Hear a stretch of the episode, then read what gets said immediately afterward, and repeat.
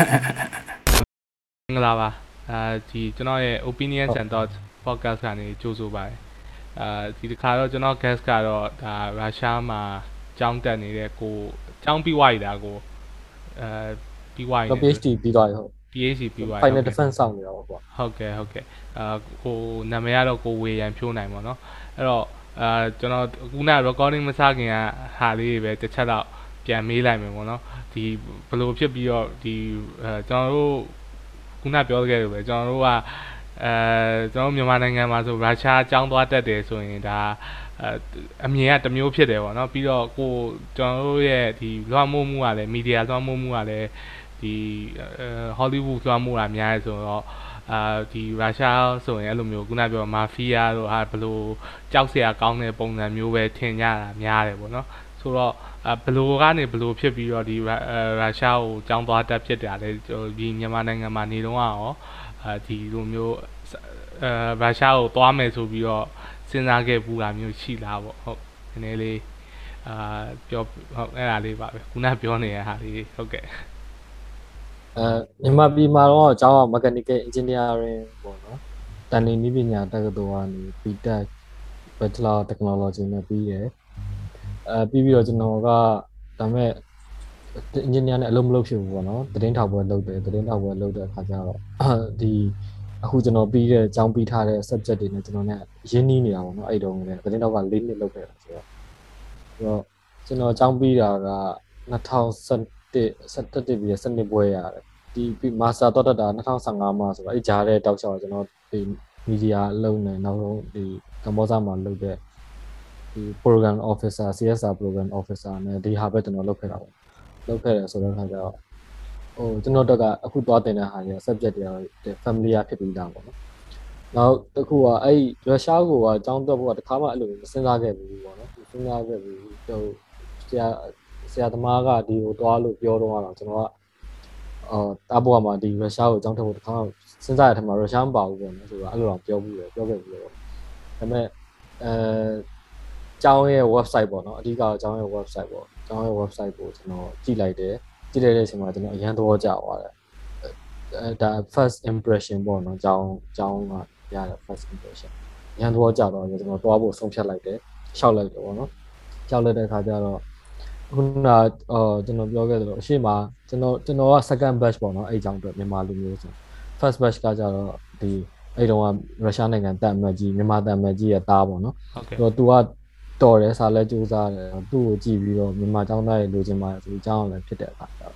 ကျွန်တော်အတွက်ကကြတော့ဟိုအခက်အခဲသိမ့်မရှိခဲ့ဘူးပေါ့နော်နောက်ပြီးတော့ဟို background လည်းရှိတယ် background ဆိုတော့အလုပ် experience လည်းကျွန်တော်ရှိနေတဲ့အခါကျတော့သူတို့တော့ကတိတ်ပြီးခက်ခက်ခက်ခက်ရွေးရတဲ့အထဲမှာမပါဘူးပေါ့နော်ကျွန်တော်ဒီလိုကူကူနဲ့ပြီးသွားအောင်မြင်သွားတယ်ပေါ့နော်ဟိုကကျွန်တော်ထွက်လာတယ်အဲထွက်လာပြီးတော့ master step ဖြစ်သွားတာပေါ့နော်ပထမဆုံး master စတက်တယ် master master စတဲ့ master နှစ်နှစ် master master စတဲ့အဲ့စတဲ့တဲ့အချိန်မှာပဲအဲခုနစကားပြန်ပြောရရင်ကျွန်တော်မထွက်လာခင်မှာကျွန်တော်ဒီပုံပုံကျင်ကတငယ်ချင်းတွေမိတ်ဆွေတွေအကုန်လုံးကကျွန်တော်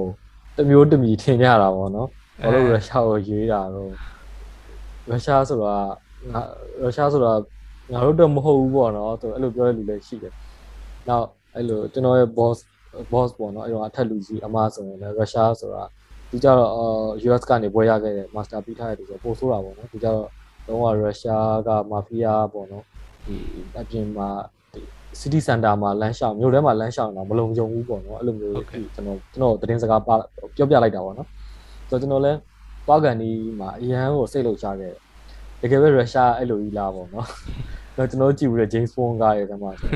ရုရှားကအများတန်း feeling ပဲလေဟုတ်တဒီယ်ဆိုဆိုရုရှားပဲဆိုဗီယက်ပဲပေါ့ဟုတ်တယ်ဒီလိမ့်မယ်ဆိုတော့ကျွန်တော်စဉ်းစားအောင်ဖြစ်ပါမလားပေါ့နော်ဒါပေမဲ့လည်းဒီလိုပဲလူတွေလည်းထင်နေကြရပဲပေါ့နော်ဟိုရောက်တော့လည်းသူ့ဟာလည်းသူဖြစ်သွားအောင်ပေါ့ဆိုပြီးတော့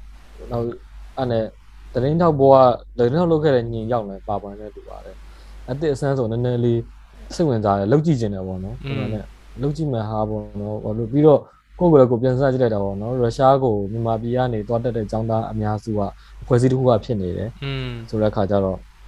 ကျွန်တော်သွားလိုက်တဲ့အခါကျရင်ကျွန်တော်ကအဲ့ဒါနောက်တစ်ခုအဲ့ဒါကတငယ်ချင်းတယောက်ရဲ့အကြံပေးပြောတာလည်းပါသူကတော့ optimistic ပေါ့နော်သူတကယ်ဟို positive point of view ရတယ်သူကျွန်တော်ပြောတဲ့စကားလေးအဲ့စကားလေးကိုကျွန်တော်အရင်တော့ကြောက်ပါအဲသူပြောတဲ့စကားပေါ့နော်ဒီရုရှားသူများတယ်အဲ့တော့ ကျွန်တော်ကသာတော့အကြောင်းတော့တက်ခဲ့မယ်ဆိုရင်ကျွန်တော်ဒီဒီရှပ်ပါကွန်စီတူတော့ပေါ့နော်ဒီမှာဘလို့ရှပ်ရှပ်ပါတဲ့တရားဖြစ်သွားအောင်ပေါ့နော်ဟုတ်ကဲ့ဒီမှာဒီမှာတုံတိုင်ကိုဘယ်သူမှကျွန်တော်တို့လိုဟိုရိုးရိုး civilian ဟိုနော်ရတာအတန်ဝမ်းနေကနေရုရှားမှာတောင်းတော့တက်တယ်ဆိုတော့တော်တော်ရှားတာ哦ဟုတ်တယ်ရှားတဲ့ခါကျတော့အဲ့လိုရှားကုန်မရှိဖြစ်သွားမယ်အဲ့တော့မင်းသွားတင်တယ်ပေါ့နော်သွားတင်တယ်သူတို့အတွေ့အကြုံယူတင်တယ်ပြီးတော့ ဟိုဒီမှာဒီအမေရိကတို့ western အကြောင်းတော့လည်းမင်းဒီမှာလည်းအလုံးလို့လုံးနေတော့သိနေပြီပဲရုရှားကျတော့လည်းပိုသိတော့ပိုကောင်းတာပေါ့နှစ်ဖက်သုံးသိသွားတာပေါ့ဆိုပြီးတော့အဲ့လိုနဲ့သွားဖြစ်လိုက်တယ်ပေါ့နော်ကြောက်တယ်ပေါ့အဲဟို bro ပြောရတဲ့အထဲမှာ bro အဲဒီအခု master ရော PhD ရောဟိုဘယ်ဘယ် subject တွေကိုအာ special ယူထားရတယ်ပေါ့ PhD thesis ကရောဘယ်အကြောင်းအရာကိုလုပ်ထားရတယ်ပေါ့ဟုတ် master တော့ကကျွန်တော်ကျောင်းက School of Asian Studies ကျွန်တော်ရဲ့ subject name က A master အာ major name ပေါ့နော် major name က Socio Economics and Political Development of Modern Asia အော်ဟုတ်ကဲ့နည်းနည်းတော့အတန်ရှိရှိတယ်အဲ့တော့ကျွန်တော်တို့ကဟိုဘွဲရတဲ့ခါမှာတော့သူတို့ရေးတာတော့ Master in Asian Study ပေါ့နော်အဲ့လိုပဲရေးတာပေါ့နော်ဆိုတော့အဲ့ဒါနဲ့ကျွန်တော်ပြီးတယ် PhD ကကြတော့ကျွန်တော်ကအာဒီ School of Doctor School of International Relation and Regional Study ကိုပြန်ရောက်သွားတာပေါ့နော်ရောက်သွားတော့ကျွန်တော်က history history contemporary history contemporary war history ပေါ့နော်အဲ့ဒီဟာကို Asian study နဲ့ချိန်ပြီးတော့လုပ်တယ်တော့ကျွန်တော်ရဲ့ thesis ကမြန်မာ uh, socio economic and political relation between Myanmar and China since 1988 to uh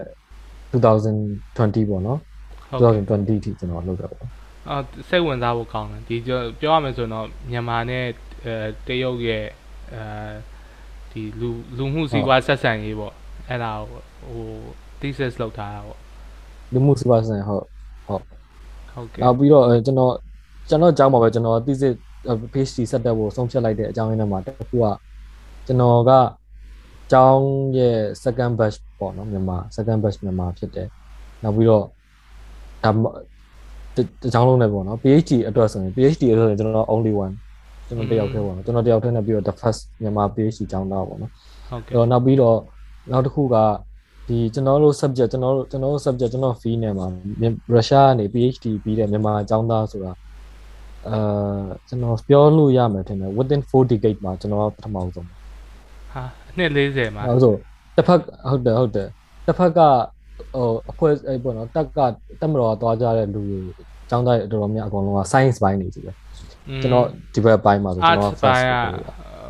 first ဟုတ်ကဲ့ bro ပဲရှိရပါဟုတ်ကဲ့အဲအဲ့တော့ဟိုခုနဆရာမပြောကြီးလို့ဒေါက်တာဟုတ်ဆရာမကြီးဒေါက်တာမတ်တင်ဝင်းဝင်းတို့ကဒေါက်တာမတ်တင်ဝင်းတို့နောက်ပိုင်းမရှိတော့ဘူးလို့တူတယ်ဟုတ်တယ်ဟုတ်ကဲ့ဟုတ်ကဲ့အဲ့တော့ဟိုကျွန်တော်နည်းနည်းဆက်စုမှာအဲ့တော့ဟိုအဲ့မှာရောက်တော့ တခြားကိုကတော့ civilian background อ่ะဗောနော်ဒါပေမဲ့အကိုရုရှားရောက်တော့တခြားမြန်မာတွေတော်တော်များများကျွန်တော်ထင်တယ်ဒီတက်မတော်ဟောကလာတဲ့လူတွေဖြစ်မယ်ဗောနော်အဲသူတို့နဲ့ကြတော့ဟိုဟိုဘယ်လိုဘယ်လိုမျိုးလဲဆက်ဆံအဆင်ပြေတာအေးဆေးပဲဗောဟိုတငယ်ချင်းလိုပဲပေါ်လာဒါမှမဟုတ်ចောင်းမှာရောဟိုရှိတာဒါမှမဟုတ်တခြားចောင်းမှာလားသူတို့က ကျွန်တော်ကျောင်းမှာကျွန်တော်ကျောင်းမှာအဲ့တုန်းကကျွန်တော်ရောက်တော့ကျွန်တော်နဲ့ same batch ကနောက်ထပ်9ယောက်ရှိတယ်ဒါ ပေမဲ့အဲ့9ယောက်သလုံးကတခြား major တစ်ခုอ่ะကျွန်တော် major ကျွန်တော် major မှာကျွန်တော်ကျွန်တော် major နဲ့ကျွန်တော်ဌာနမှာကျွန်တော်တယောက်တည်းပဲပထမဦးဆုံးပဲမြန်မာကျောင်းသားအဲ့လိုဟိုတော့ဟိုတော့ဟိုဘယ်လိုပြောမလဲသူတို့နဲ့ဒီဘက်မြန်မာကျောင်းသားတွေနဲ့တွေ့ဖြစ်တယ်ပွဲတွေပါရှင်တွေ့တယ်နောက်ဖုန်းကျောင်းမှာအလူတွေပါရှင်တွေ့တယ်ကျန်တဲ့ဟိုလိုမျိုးကြီးတွေ့တာမျိုးတော့မရှိတော့ဘူးပေါ့နော်ဘာလို့ကျွန်တော်ကျောင်းမှာဒီဘက်မှာကျွန်တော်နိုင်ငံသားတွေနဲ့ပေါင်းသွားတာပုံများသွားတာအဲ့လိုဖြစ်သွားတာဟုတ်ကဲ့နောက် PhD တက်တော့လဲပို့ဆိုးသွားတာပေါ့နော် PhD တက်တော့လဲတထန်ကျွန်တော်ဌာနလဲကျွန်တော်လည်းမစောက်ဖွင့်တဲ့ဌာနဆိုတော့ခါကြတော့ ကျွန်တော်ပထမဦးဆုံးကျောင်းသားတယောက်တည်းကျောင်းသားဆိုတော့ဟိုကို professor တွေနဲ့ကိုနဲ့ပဲအဲ့လိုပဲဟိုဟိုအမြဲတမ်းဆက်ဆံနေရတာပေါ့နော်အဲ့လိုဖြစ်သွားတာပေါ့ဒါမြန်မာကျောင်းသားတွေအများတော်တော်အဲသူတို့ကတခြားတက္ကသိုလ်တွေမှာများတယ်ကျွန်တော်တက္ကသိုလ်ကအဓိကသူက economics နဲ့ politics ကိုဦးစားပေးတာဆိုတော့မရှိဘူးပေါ့နော်အဲ့လိုဖြစ်သွားတာဟုတ်တယ်နောက်သူတို့နဲ့ကတော့ဟိုရောက်ခါစားမှာတော့တောင်းတဲ့တယောက်နည်းနည်းလေးခက်တန်းတန်းတော့ဖြစ်တာပေါ့နော်ဘာလို့ဆိုသူတို့ဘက်ကလည်းဟို အရသာကြောင်းသားထူးထူးဆန်းဆန်းရောက်လာတဲ့ပုံစံဖြစ်နေတာပေါ့နော်ဟိုတခါမှအဲ့လိုရောမရှိဘူးဟိုကျွန်တော်တို့ဘက်ကကြတော့လဲကျွန်တော်တို့ဘက်ကကြတော့လဲရောက်ခါစားမှာဆိုတော့ဟိုမြန်မာပြည်ရဲ့အခြေအနေပေါ့အကွယ်အဲ့ဒီ effect တွေကဖြစ်တာပေါ့နော်ဒီမှာကြတော့อืมဒါပေမဲ့နောက်ပိုင်းကျတော့တယောက်နဲ့တယောက်အကြောင်းတယောက်သိသွားတဲ့အခါကျတော့လဲညီကိုတွေလိုပါပဲတကယ်ကိုညီကိုတွေလိုပါပဲဟုတ်အခုကဲ့ကတော့ဟုတ်ဟုတ်ကဲ့အဲ့တော့ဘယ်လိုမျိုးလဲဘယ်ရုရှားကိုဆက်ဆက်ရောက်ချင်းဘယ်လိုဘယ်လိုဖြစ်လဲပေါ့အဲ့ဒီအဲ့ ဒီဟာကိုနည်းနည်းလောက်ပြန်ပြောပြပေးရုရှားကိုစရောက်ချင်းပထမဆုံး first impression ပေါ့နော် first impression ပြီးတော့ကျွန်တော်အဲ့တော့ရုရှားတော့ transit ကထိုင်းနဲ့သွားတယ်ကျွန်တော်ဘန်ကောက်လဲဝင်လဲခြင်းတယ်ဆိုတော့ဘန်ကောက်မှာနှစ်ညနှစ်ညလာမယ်ကျွန်တော်နှစ်ညအိတ်သုံးကြလာဝင်လဲလိုက်သေးတယ်ဟုတ်အဲ့တော့ဘန်ကောက်ရောက်တော့ဘန်ကောက်ရောက်တဲ့အဲ့အဲ့ဒါတော့ကျွန်တော်အဲ့ဒီ trip ကကျွန်တော်တို့ first ပထမဆုံးပထမဆုံးအတွေ့အကြုံပေါ့နော်နိုင်ငံခြားသွားတယ်ပထမဆုံးအတွေ့အကြုံအော်ဟုတ်ကဲ့ဆိုတော့ထိုင်းရောက်တဲ့အချိန်မှာကျွန်တော် လုံးဝမခံစားဘူးကိုယ်နိုင်ငံထဲမှာလို့ပဲပေါ့နော်ပြီးတော့ပိုပိုဆိုးတာကျွန်တော်ထိုင်းနဲ့မြန်မာနဲ့လေရနိုင်အများဆုံးက45မိနစ်ပဲစီးရတယ်ဟုတ်တယ်ကျွန်တော်ဘန်ကောက်ရောက်နေပြီကျွန်တော်မိသားစုကျွန်တော်လိုက်ပို့ရမိသားစုကအိပ်ပြန်မရောက်သေးမာပြီးမှာကားချက်ပြီးသူတို့အိပ်ပြန်မရောက်ကျွန်တော်ဘန်ကောက်ရောက်နေတယ်အဲ့လိုမျိုးအဲ့လောက်နဲ့မြန်နေကြပေါ့နော်ပြီးလူတွေကလည်းဒီပုံစံတွေဒီအစားအသောက်တွေဒါတွေပဲတော့ဘာမှထူးခြားစိတ်ထဲမှာအဲ့လိုမခံစားဘူးဒါပေမဲ့ မော်စကိုရောက်တဲ့ခါကျတော့လေထဲကနေအထွက်ထဲမှာပါကျွန်တော်အနံ့လေလုံးဝမတူတော့ อืม အဲ့ရလေရရတဲ့အနံ့ပေါ့နော် ဟုတ်တယ် อืมဒါဒါယူရိုပီယန်အနံ့ဆိုတာဒါပဲလားမသိဘူးပေါ့နော်ယူရိုဆိုရုရှားဆိုတာဒါပဲလားဆိုတော့အဲ့ရစပြီးတော့ဖြစ်တာပေါ့နော်အနံ့နောက်ပြီးတော့အဲ့ချိန်ကျွန်တော်ရောက်တဲ့အချိန်ကအေးနေပြီနောက်ကျွန်တော်ကအော်တိုဘာ၁ရက်နေ့ရောက်တာဆိုတော့အေးနေပြီဟုတ်ပါဘူးစက်တင်ဘာ၁ရက်နေ့ရောက်တာ အဲ့မော် ကျွန်တော်တင်းတော့ဟိုစောင်းဦးဖြစ်သွားပြီစောင်းဦးကိုကုန်ကန်နီးနေပြီနော်စောင်းကုန်ကန်အေးနေနီးနေဆိုတော့ ရာသီဥတုဒါမျိုးစခံစားရပြီပေါ့နော်အဲ့လိုမျိုးပေါ့နောက်လူတွေနဲ့တွေ့အဲ Rusquare ပထမဆုံးနောက်တစ်ရက်ကျကျွန်တော် Rusquare သွားတယ်ရောက်ပြင်းပြင်းနေသွားလဲပေါ့ immigration မှာကြတော့ AC ပဲပေါ့ကျွန်တော်တို့ဒီမြန်မာ immigration မှာ AC ပဲသူတို့ဘာမှရစ်တာဘာမှဘာမှမရှိဘူးဘာလို့လဲဆိုကျွန်တော်ကဟို student visa နဲ့လာရဲတခါတည်း visa မှာဟိုအဲ့လိုရေးထားပြီးသားတယ်သူတို့ကဟိုဟာဖြစ်ဘူးဘာမှတိတ်ရစ်တာပြောတယ်ဘာမှမရှိဘူးဟိုဘယ်လိုကူကူပဲပေးဝင် ပေးလိုက်တယ်သူအင်္ဂလိပ်စကားပြောလို့ရတာမရဘူးအင်္ဂလိပ်စကားအဲ့ပြဿနာပေါ့နော်အဲ့ပြဿနာတော်တော်ကြီးကြီးကြီးကြီးကြီးမားမားရောတော်တော်ရောရှိတယ်ကျွန်တော်အကြောင်းကရုရှားမှာပထမဦးဆုံး liberalize လုပ်တဲ့အကြောင်းကိုပြောလို့ရတယ်လုံးဝ American system ပေါ့နော်သူက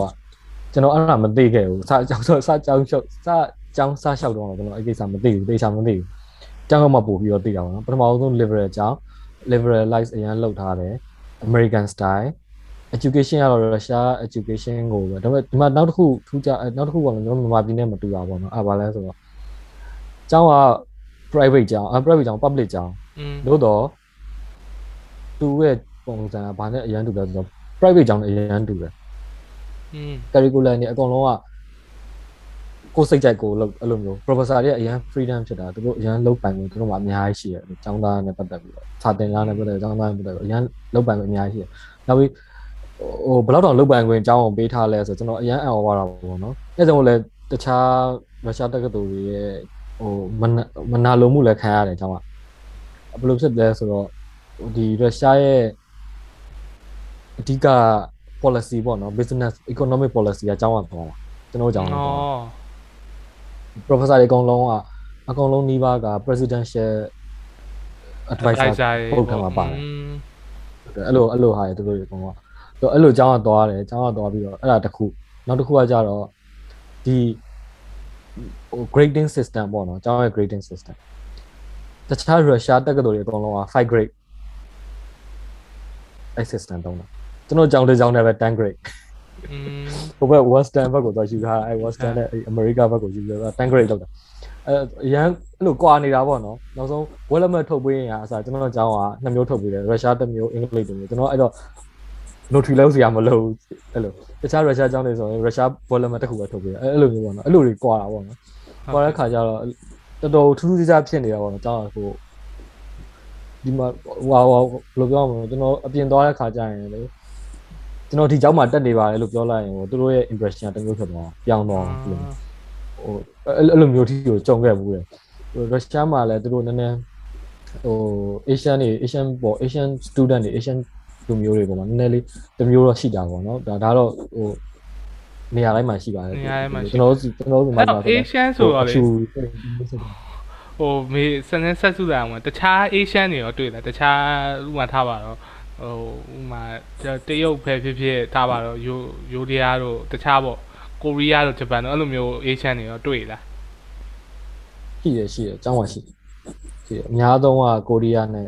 ဗီယက်နမ်ဗီယက်နမ်အော်အခုများလာကိုရီးယားနဲ့ဗီယက်နမ်ပေါ့နော်ဗီယက်နမ်ကကျွန်တော်ထင်တယ်ဗီယက်နမ်ကရုရှားမှာဒုတိယအဲပထမအများဆုံးတွတ်တဲ့နိုင်ငံဖြစ်လိမ့်မယ်အရှိတောင်အာရှမှာဆိုမြန်မာပြီးရင်ပေါ့နော်အဲ့ပါသူမြန်မာဒုတိယလိုက်လေဟုတ်တယ်အော် ဗီယက်နမ်ပထမအများဆုံးလောက်ဖြစ်လိမ့်မယ်ဆိုတော့ဗီယက်နမ်ကျောင်းသားတော်တော်များတယ်နောက်နောက်တစ်ခုအကြောင်းမှာက English program တွေရှိ English program တွေများတယ်များတဲ့ခါကျတော့ဟိုတကယ်လို့ multinational ဖြစ်တယ်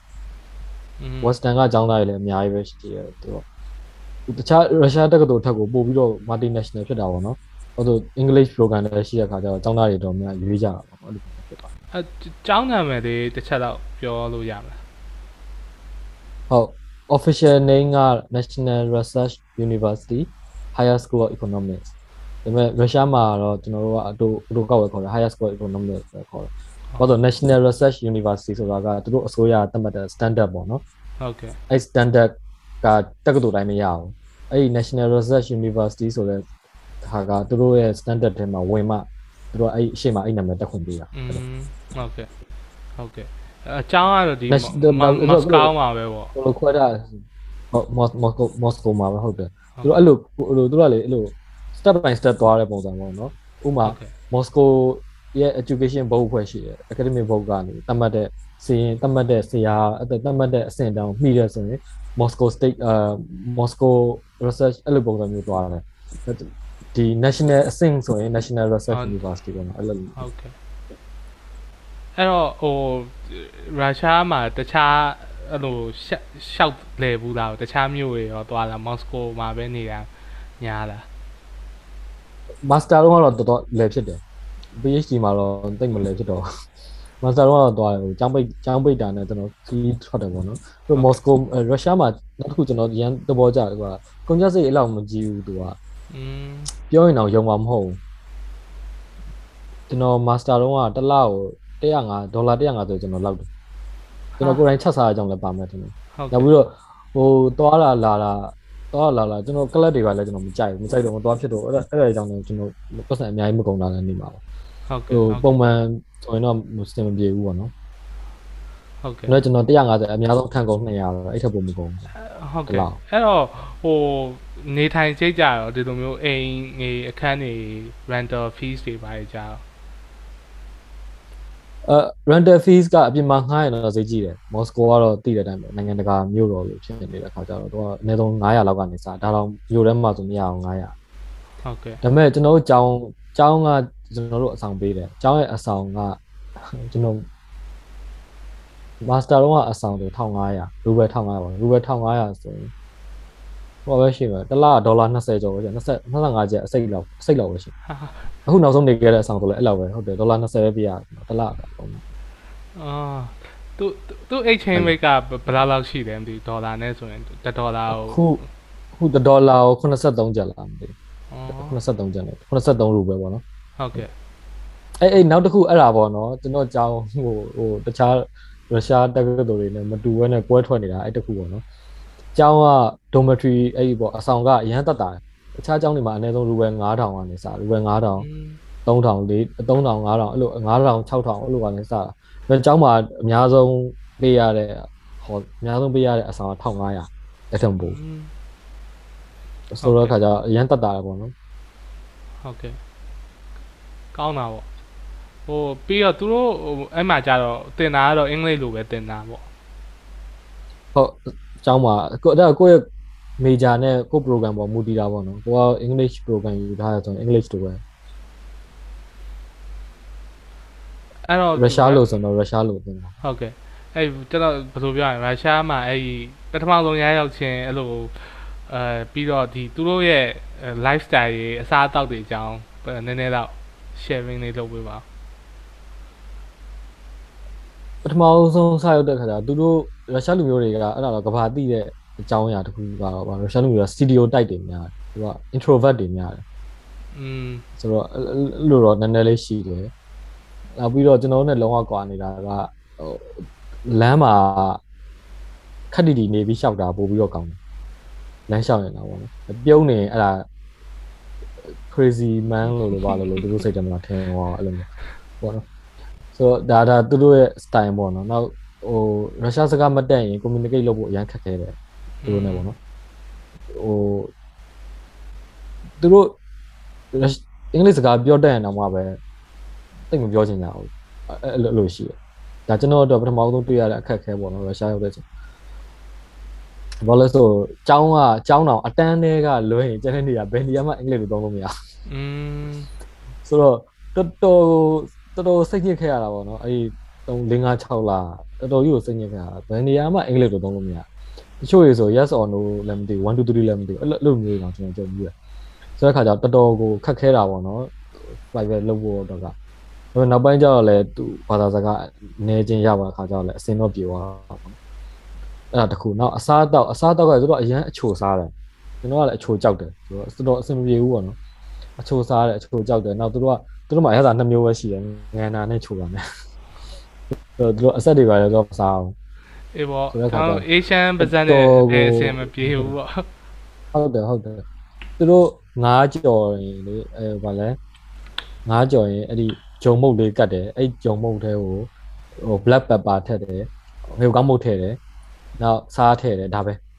အဲ့ဒါပြီးတော့ငါးကြော်ဆိုတော့ကျွန်တော်ကြောက်လုံးဝကျွန်တော်ဆိုအဲ့ငါးကြော်မျိုးဆိုမစားနိုင်တော့ညှီလို့လေညီမအနက်ညီမပါစံနဲ့ကြောင့်ညှီသွားပြီပေါ့နော်ကျွန်တော်ကြောက်အနက်အသက်မျိုးစုံထည့်တာဟိုအဲ့ငါးနန်းပြောင်းအောင်ပဲဟုတ်တယ်အရှမ်းဘက်ကကျတော့ အဲ့လိုအဲ့လိုမျိုးတွေကွာတယ်နောက်ဒါပေမဲ့တချို့ soup လေးတွေတော့တောက်လို့ကောင်းပါတယ်ဒါမှပါစနဲ့လိုက်တာလည်းရှိတယ်ဆိုလီယန်ကာတို့အာ Bush Down အဲ့လောက်သိမ့်မှာ Bush ကသူတို့ရဲ့ national cuisine လို့ပြောမှာ national national soup ပေါ့နော်ကျွန်တော်တို့မွေးငါလို့ပေါ့မွန်းငါလို့အဲ့လိုမျိုးသူတို့အဲ့လိုနေတိုင်းအဲ့လိုမျိုးသူတို့ရဲ့အဓိကထိမှာပေါ့နော်အနောက်အဲ့အဲ့ဟာတော့နည်းနည်းလေးဟိုကနဲ့ အခုအခုကျွန်တော်ထင်တယ်အဲ့ဒီအတီးကမြန်မာပြည်ကဟိုမှာစီတီမတ်တော့ဘာမှရပြီလို့ကျွန်တော်ကြားတယ်ဒီနာမည်ဗစက်ချားလေးနေမေးတော့အတွင်းသားနီနီအာလူးလိုပဲစားလိုက်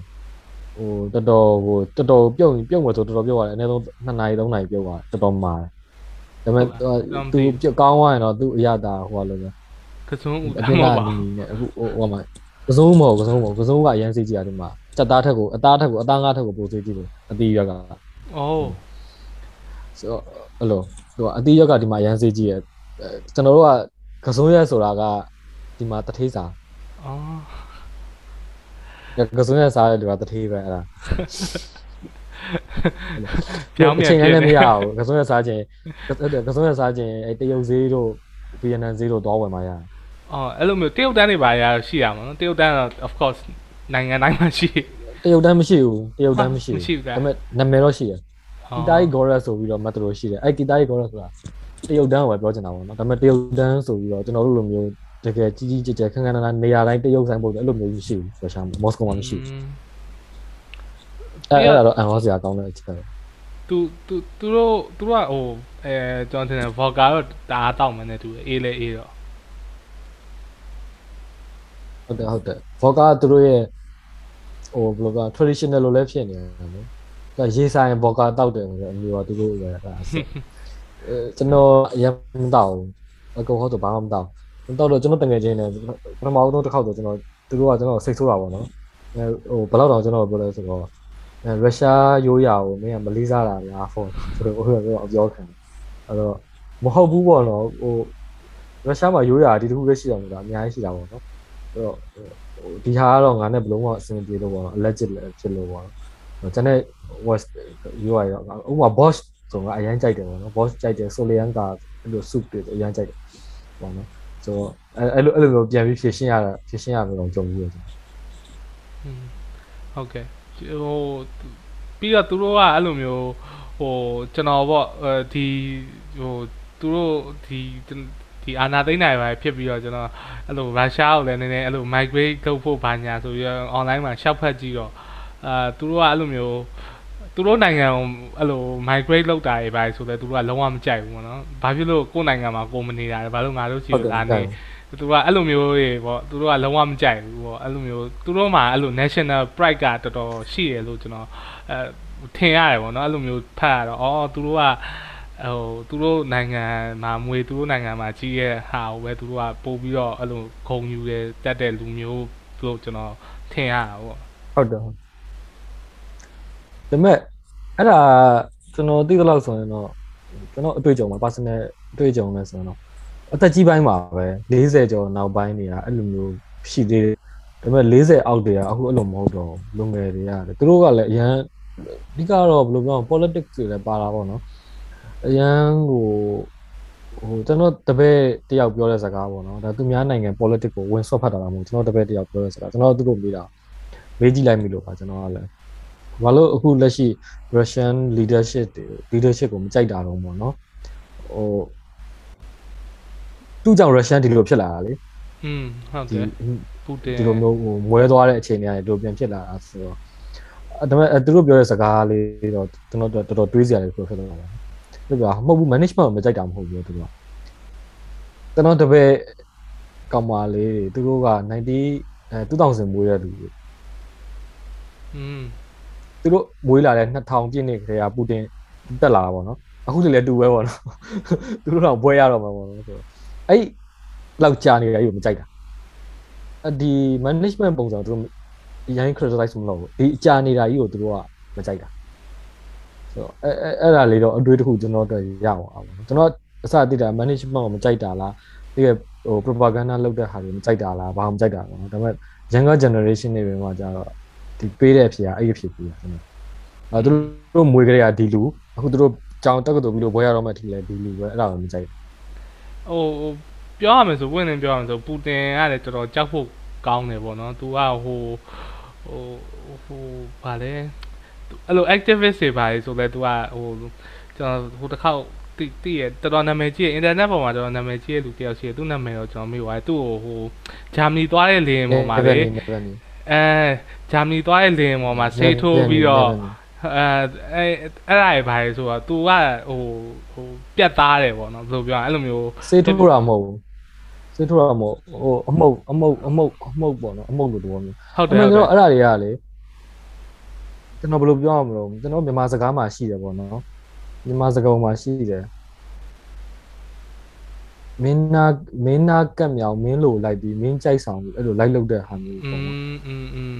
ကျွန်တော်ပြောရတယ်သူသူကိုယ်တိုင်လည်းပြောပါတယ်ခဏခဏဘူပါတယ်မှာအဲ့ဒါအမှန်ပြောနေတာဒါပေမဲ့ဟို western media ကပုံဖော်တဲ့ခါကျတော့တမျိုးဖြစ်သွားတာပေါ့နော်အဲ့ဘာလဲဆိုတော့ तू မလုပ်ဘူးဒါ तू လုပ်တာမဟုတ်ဘူး तू order လည်းမလုပ်ခဲ့ဘူး तू လည်းမလုပ်ဘူးပေါ့နော်သူက အဲ့ဒါတကယ်မှန်တယ်လို့ကျွန်တော်တော့ထင်တယ်ဒါပေမဲ့ခက်တာကဘာဖြစ်နေလဲဆိုတော့ကျွန်တော်တို့မြန်မာပုံစံနဲ့နည်းနည်းစင်တာကလူကြီး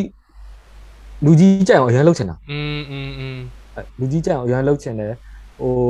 ဟိုလူကြီးစီမှာမျက်နှာအရန်လိုချင်တယ်လူကြီးစီမှာသူ့နာမည်အရန်ပေါက်ချင်တယ်အဲ့လိုမျိုးစကားကြောင့်ကျွန်တော်ထင်တယ်အောက်ကလူတွေကရှောက်လို့တာပါအမှန်တကယ်တော့ဒါပါပဲ ဟုတ် လူကြီးမကြိုက်ကြအောင်လုပ်ရင်းနဲ့လက်လူလက်လွန်ခြေလွန်နေဖြစ်ကုန်တာ อืม ဟုတ်ကဲ့အဲ့လိုအဲ့လိုလည်းဖြစ်ဖို့များပါတယ် तू ကလည်းအကြာကြီးဒီ तू ခုနပြောခဲ့သူပေါ့နှစ်နှစ်ပေါင်းများစွာ तू ကလည်းအဲဒီဒီဒီထိတ်ဆုံးမှနေရတဲ့လူဆိုတော့သူ့ကိုအကုန်လုံးကသူ့ကိုကြိုက်လိုက်လောက်ကြမှာပဲပေါ့ဒီလိုမျိုးသူ့ကိုအာ ဟုတ်တယ် ကောင်းပြောတယ်သူသူဟာသူဘာသူအိမ်ကိုအဲ့လို drone နဲ့ဟိုကောင်ရိုက်ပြတာပဲလှုပ်လိုက်တော့တော်တော်တင်းသွားတယ်နဲ့သူလေအဲအဲ့တော့ဟိုပြန် စကားလမ်းကြောင်းပြန်ဟိုဟာဖြစ်ရမယ်ဆိုရင်သူတို့အာစာတင်တာတော့အဲကျောင်းမှာဆိုရင်တော့အင်္ဂလိပ်လိုပဲတင်တယ်ခုနပြော liberal လည်းဖြစ်တယ်ဆိုတော့အာဒီသူသူတို့ကိုအဲ့လိုပေါ့သူတို့ကိုသူတို့တော့ပြန်ပြီးတော့အဲ့လို self criticize လုပ်တာမျိုးတွေပါရောရှိတာထားပါတော့အဲ့လိုမျိုးခုနဟိုကိုပြောသွားတဲ့ပုံစံမျိုးဆိုရင်ဒီကျောင်းမှာဆရာတပည့်ဆိုဒီလို politics တွေပါရောပုံပုံနေနေဆွေးနွေးလို့ရတယ်ပေါ့နော်ကျွန်တော်တို့ထင်ထားတာကြားမယ် အဲ့လိုမျိုးပုံပုံနေနေဆွေးနွေးလို့ရတော့တဲ့ environment မရှိဘူးပေါ့နော်အဲ့လိုမျိုးထင်တာဆိုတော့မဟုတ်ဘူးပေါ့နော်ကျွန်တော်ကျွန်တော်တခြားကြောင်းတော့မသိဘူးပေါ့နော်တခြားတက္ကသိုလ်တွေတော့ကျွန်တော်မသိဘူးကျွန်တော်တက္ကသိုလ်မှာရတယ်ဘာလို့လဲဆိုကျွန်တော် master တော့ professor တယောက်ရှိဘူးအဲ့ professor သူစာတင်အခန်းထဲဆက်ရောက်တာနဲ့ပူတင်ကိုဆဲတာဆိုအဲ့လိုပြောတော့သူသူလောက်ပြောတာသူပဲရှိတယ်အဲ့လိုမျိုးပေါ့ဆိုတဲ့ခါကျတော့သူလောက် criticize လုပ်တာလည်းသူပဲသူပဲရှိတယ်နောက်ကျွန်တော်ဆရာမကြီးတချို့တယောက်နှစ်ယောက်ဆိုလည်းအဲ့လိုရှိတယ်တ အပြီးအဲသူတို့တွေကဟိုထဲမှာ advisor book ထဲမှာပါတယ်ကျွန်တော်ပြောချင်တာအဲကျွန်တော်အဓိက point out လုပ်ချင်တာအဲ့တခုလည်းပါတယ်အဲဘာလဲဆိုတော့လေသူတို့နိုင်ငံတိုးတက်တာလည်းမပြောနဲ့ဟို academic က academic freedom အပြည့်ရှိတယ်อืมဟိုပူတင်အာတချို့တချို့တွေကပူတင်ကိုသဘောကျတယ်ပေါ့နော်အားကျတယ်ပူတင်လိုပူတင်လို criticize အလုပ်ခံနိုင်လားအဲ့ဒါလည်းအရင်ပြန်စဉ်းစားကြည့် ဟို तू ကတကယ်ကို okay decision maker က तू ပဲ तू က तू လုပ်ချင်တာလုပ်မယ် तू decision ချချင်တာချမယ်ဒါပေမဲ့သူ့ကိုလက်ညှိုးငေါက်ထိုးပြီး criticize လုပ်နေလဲ तू ခံတယ်အဲ့ဒါအဲ့ဒီခုကတော့ကျွန်တော်သူ့စီကအရန်သဘောကျတဲ့အချက်ပေါ့နော်သူ meeting ထဲမှာအဲ့လိုမျိုးအဲ့လိုမျိုးလို့ဘာလို့ကျွန်တော်သိသိတယ်တော်တော် professor တွေတချို့ဟာတွေတော်တော်ဆိုးဆိုးရွားရွားတွေလေပါတယ်အဲ့လိုမျိုးအဲ့တော့အဲ့တော့သူတို့တိုးတက်လာလည်းမပြောနဲ့လေ မကောင်းတာဟိုဘယ်လိုပြောမလဲဒီ politics politics မှာအဖွဲ့အစည်းတစ်ခုဟိုလူပုဂ္ဂိုလ်တဦးတယောက်တည်း dominate လုပ်ထားတာမှန်ပေမဲ့အဲ့ဒီ criticism တွေနဲ့အဲ့လိုမျိုးသွားတဲ့အချက်သွားတဲ့ခြေအနေတွေတို့မှရှိတယ်ဒါကျွန်တော်တို့အတူယူရမှာဟာပေါ့နော်ဟိုကျွန်တော်တို့ဒီ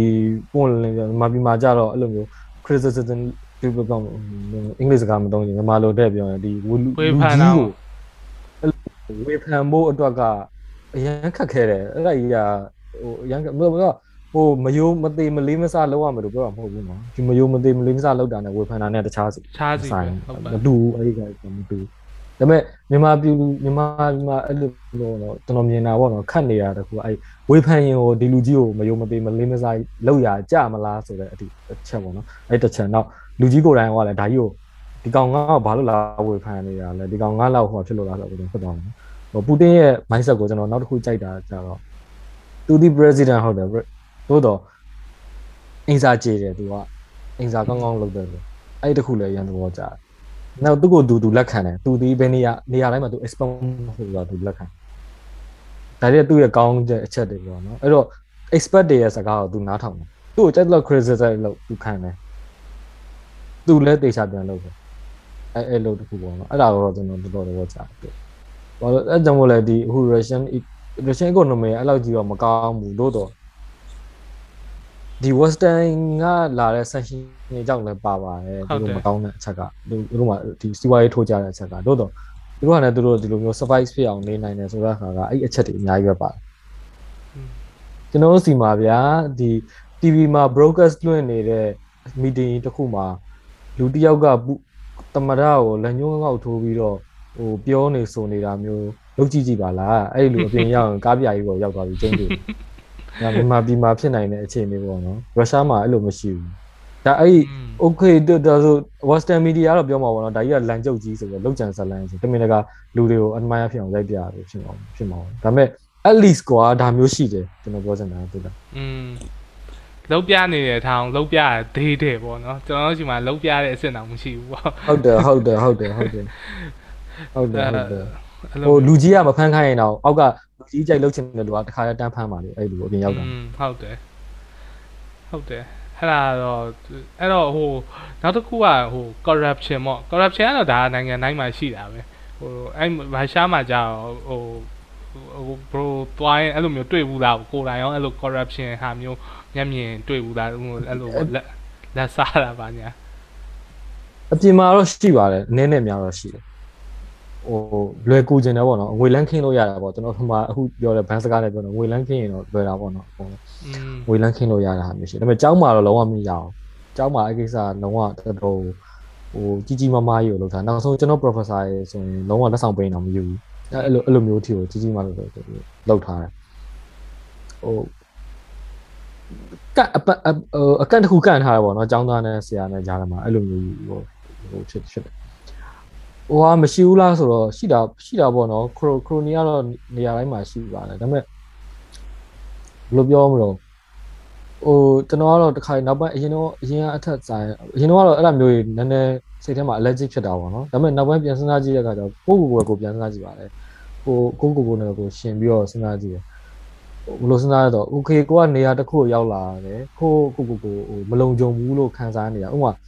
ပူတင်ဆိုလဲတော့သူဘယ်လောက်ကြီးပဲ ဒီလိုနိုင်ငံကြီးရဲ့တမန်တော်ကြီးပဲဖြစ်နေပါလေပြောပြောလေအနည်းနဲ့များတော့သူလည်းမလုံခြုံမှုဆိုတာသူ့စီမှာလည်းရှိတာပိုးတော့ရှိနေတယ်သူစီဘာလို့လဲဆိုอืมလောက်ကြံနေတဲ့လူတွေကနေရာအများမှာကြီးအများပဲသူ့နေရာရှိတယ်လိုချင်တဲ့လူတွေကဘယ်သူမှနောက်မှတန်းစီနေတော့ကဟုတ်တယ်လူတစ်ယောက်ကိုအပြေအဝပြည့်ယုံဖို့ဆိုတော့လည်းခက်ခဲတယ်လေအဲ့တော့ဘာလုပ်မလို့ကျွန်တော်ဆိုရင်ဘာလုပ်မလို့သူ့နေရာမှာကျွန်တော်နဲ့နီးစပ်တဲ့လူတွေပဲကျွန်တော်ခေါ်ပြီးတော့ခိုင်းတော့မှာပေါ့ဟုတ်တယ်ဒါဒါဒီသဘောပါပဲအဲ့သဘောပါပဲ အဲ့ဒါတော့ကျွန်တော်ထင်ပါတယ်တခြားဒီမိုကရေစီအော်နေတဲ့နိုင်ငံကြီးတွေမှာလည်းအဲ့အရာတွေအဒီများလိုကြီးပါရှိပါတယ်ပဲဒီလိုပါပဲဂျိုးဘိုင်ဒန်တက်တာတာပဲဖြစ်ဖြစ် Trump ဟိုဟာဖြစ်တာပဲဖြစ်အဲ George Bush George W Bush လက်ထက်မှာလည်းဒီ Dick Cheney ကုမ္ပဏီရပဲသူတို့ဒီဟိုဒီ defense contract တွေအကုန်ရတာပဲလေဒါတွေက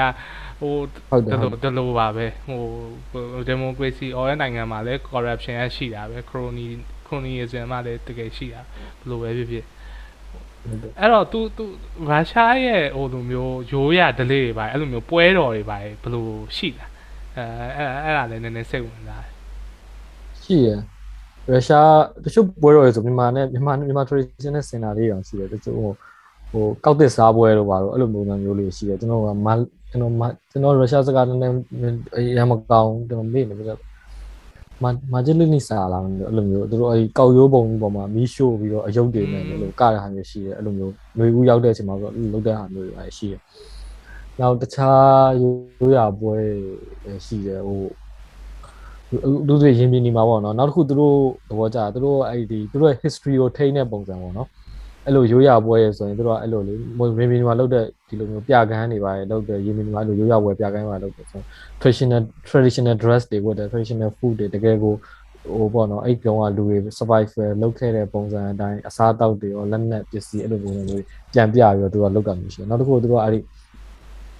ဒီပြတိုက်အရန်ကောင်းတယ်သူတို့ကပြတိုက်တွေအများကြီးပဲအဲ့လိုမျိုးကြော်ကြားတဲ့လူမှန်သမျှနဲ့ပတ်သက်တဲ့ပြတိုင်းတို့မှာရှိတယ်အဲ့လိုမျိုးဆိုတော့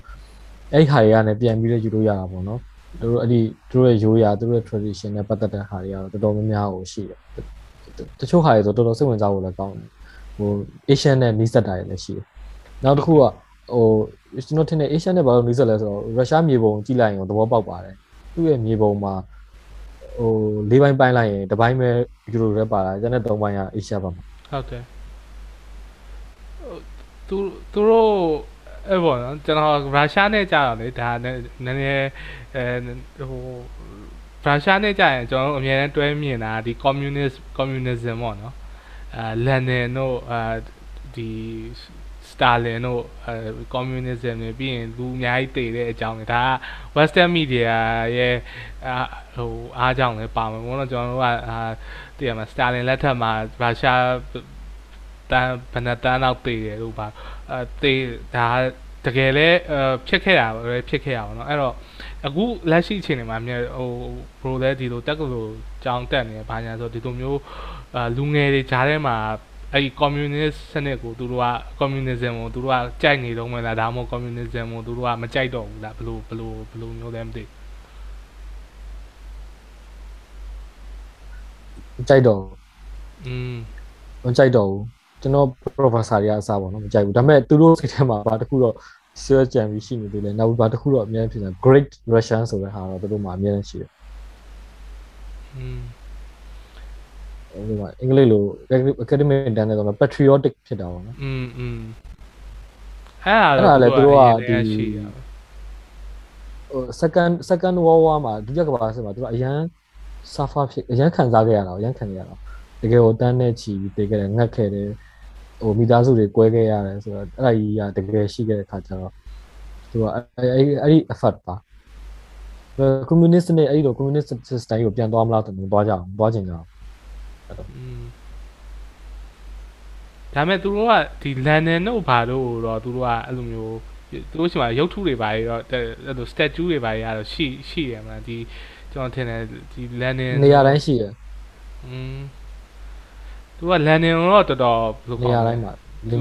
ဟိုသူတို့ဒီခေတ်တဲ့ရုရှားရဲ့ဖခင်ကိုပြောအောင် contemporary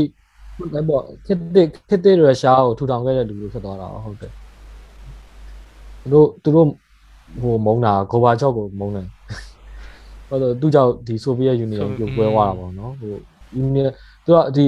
ကွန်မြူနစ်စနစ်ပြတ်သွားတာဟိုကသူတို့ကြိုက်ပေမဲ့ဒီယူနီယံကြီးပြိုကွဲသွားတာကြောင့်သူတို့တိတ်သဘောမကျအောင်อืมသူကအဲ့လိုမျိုးဒ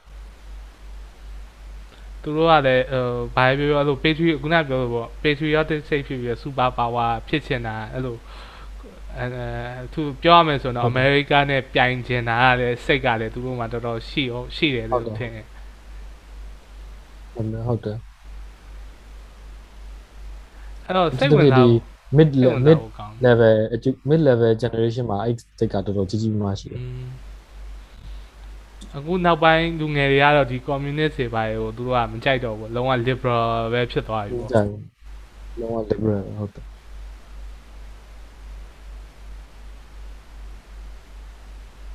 ဟိုအဲ့တော့အခုဟုတ်ပြောပါပြောပါဟိုပြောပြောပြောပါအဲကျွန်တော်ကမဟုတ်ဘူးဟိုတိဘရိုတင်နဲ့ဘရိုလောက်ခဲ့တဲ့ဒီ thesis တွေပိုင်းနဲ့ကြာတော့ဒီ အဲရုရှားမှာကျောင်းတက်ပြီးတော့ဒီမြန်မာနဲ့တရုတ်အကြောင်းကိုအဲ thesis လုပ်တယ်ဆိုတော့ဒါတော်တော်ထူးဆန်းတယ်ပေါ့နော်ဒီကျွန်တော်တို့မြန်မာပြည်မှာကြာတော့အမြင်အားကြာတော့အဲတရုတ်တို့ရုရှားတို့ဆိုမကောင်းဘူးပေါ့နော်အဲအဲ့ဒီဟာကိုအပေါ်မှာရောဟို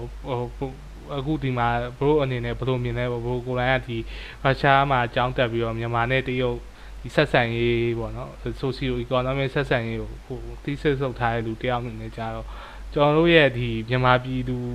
အများစုမှာရှိတဲ့ဒီအမြင်ကဘယ်ကနေဖြစ်ဖြစ်တာလဲပေါ့ဒါမှမဟုတ်ဒီအမြင်ကတကယ်မှန်တာမှားတာပေါ့ဘရို personal အမြင်ပေါ့နော်အဲ့ဒါလေးသိကြတယ်အဓိကတရုတ်နဲ့ရုရှားကိုမကြိုက်တာကတော့ကျွန်တော်ပြောလို့ရပါတယ်အကုန်လုံးကမြန်မာပြည်ကဖွဲ့စည်းတစ်ခုကိုမကြိုက်တာနဲ့ပဲတရုတ်နဲ့ရုရှားကိုမကြိုက်ဘူးဖြစ်ပါတာอืมတကယ်တော့သူတို့ အကောင်လုံးတရုတ်နဲ့ရုရှားကဘာကောင်းလဲဘာမကောင်းဆိုတာတေးချာကကနနဘူးမှမသိဘူးနောက်တစ်ခုပြောရတာကအနောက်မီဒီယာရဲ့လွှမ်းမိုးမှုပေါ့နော်ဆိုတော့အဲ့ဟာကြောင့်လည်းပါတယ်ကျွန်တော်ကတော့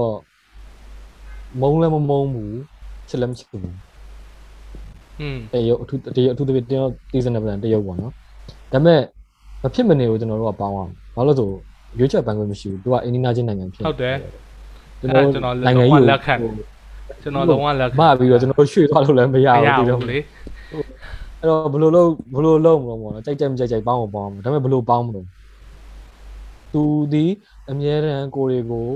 ဟို UN Yunnan province တခုလိုမျိုးဆက်ဆံခဲ့တယ်ဆိုရင်အဲ့ဆက်ဆံမှုကနေထွက်အောင်ကိုယ်တွေဘယ်လိုလုပ်မလို့အဲ့ဒါကျွန်တော်စဉ်းစားမှချက်ပေါ့နော်နောက်တစ်ခုစဉ်းစားမှာတရုတ်ရဲ့စီးပွားရေးအင်အားတော့ကမ္ဘာမှာတော့ အခု first ဖြစ်လာတယ်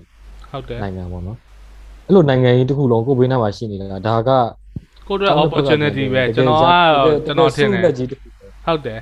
တကယ်ကိုစုလက်ကြီးတစ်ခုမြန်မာပြည်အတွက်လေအဲ့တော့မြန်မာပြည်ကဟိုမက္ကဆီဟောလဲမက်မက်မက္ကဆီကိုနိုင်ငံလို့အဖြစ်ခံမလားအမေရိကဘေးနားမှာနေပြီးတော့လေဘယ်လိုဖြစ်နေအဲ့လိုမျိုးပုံစံနေမလားဒါမှမဟုတ်တရုတ်နဲ့ပေါင်းပြီးတော့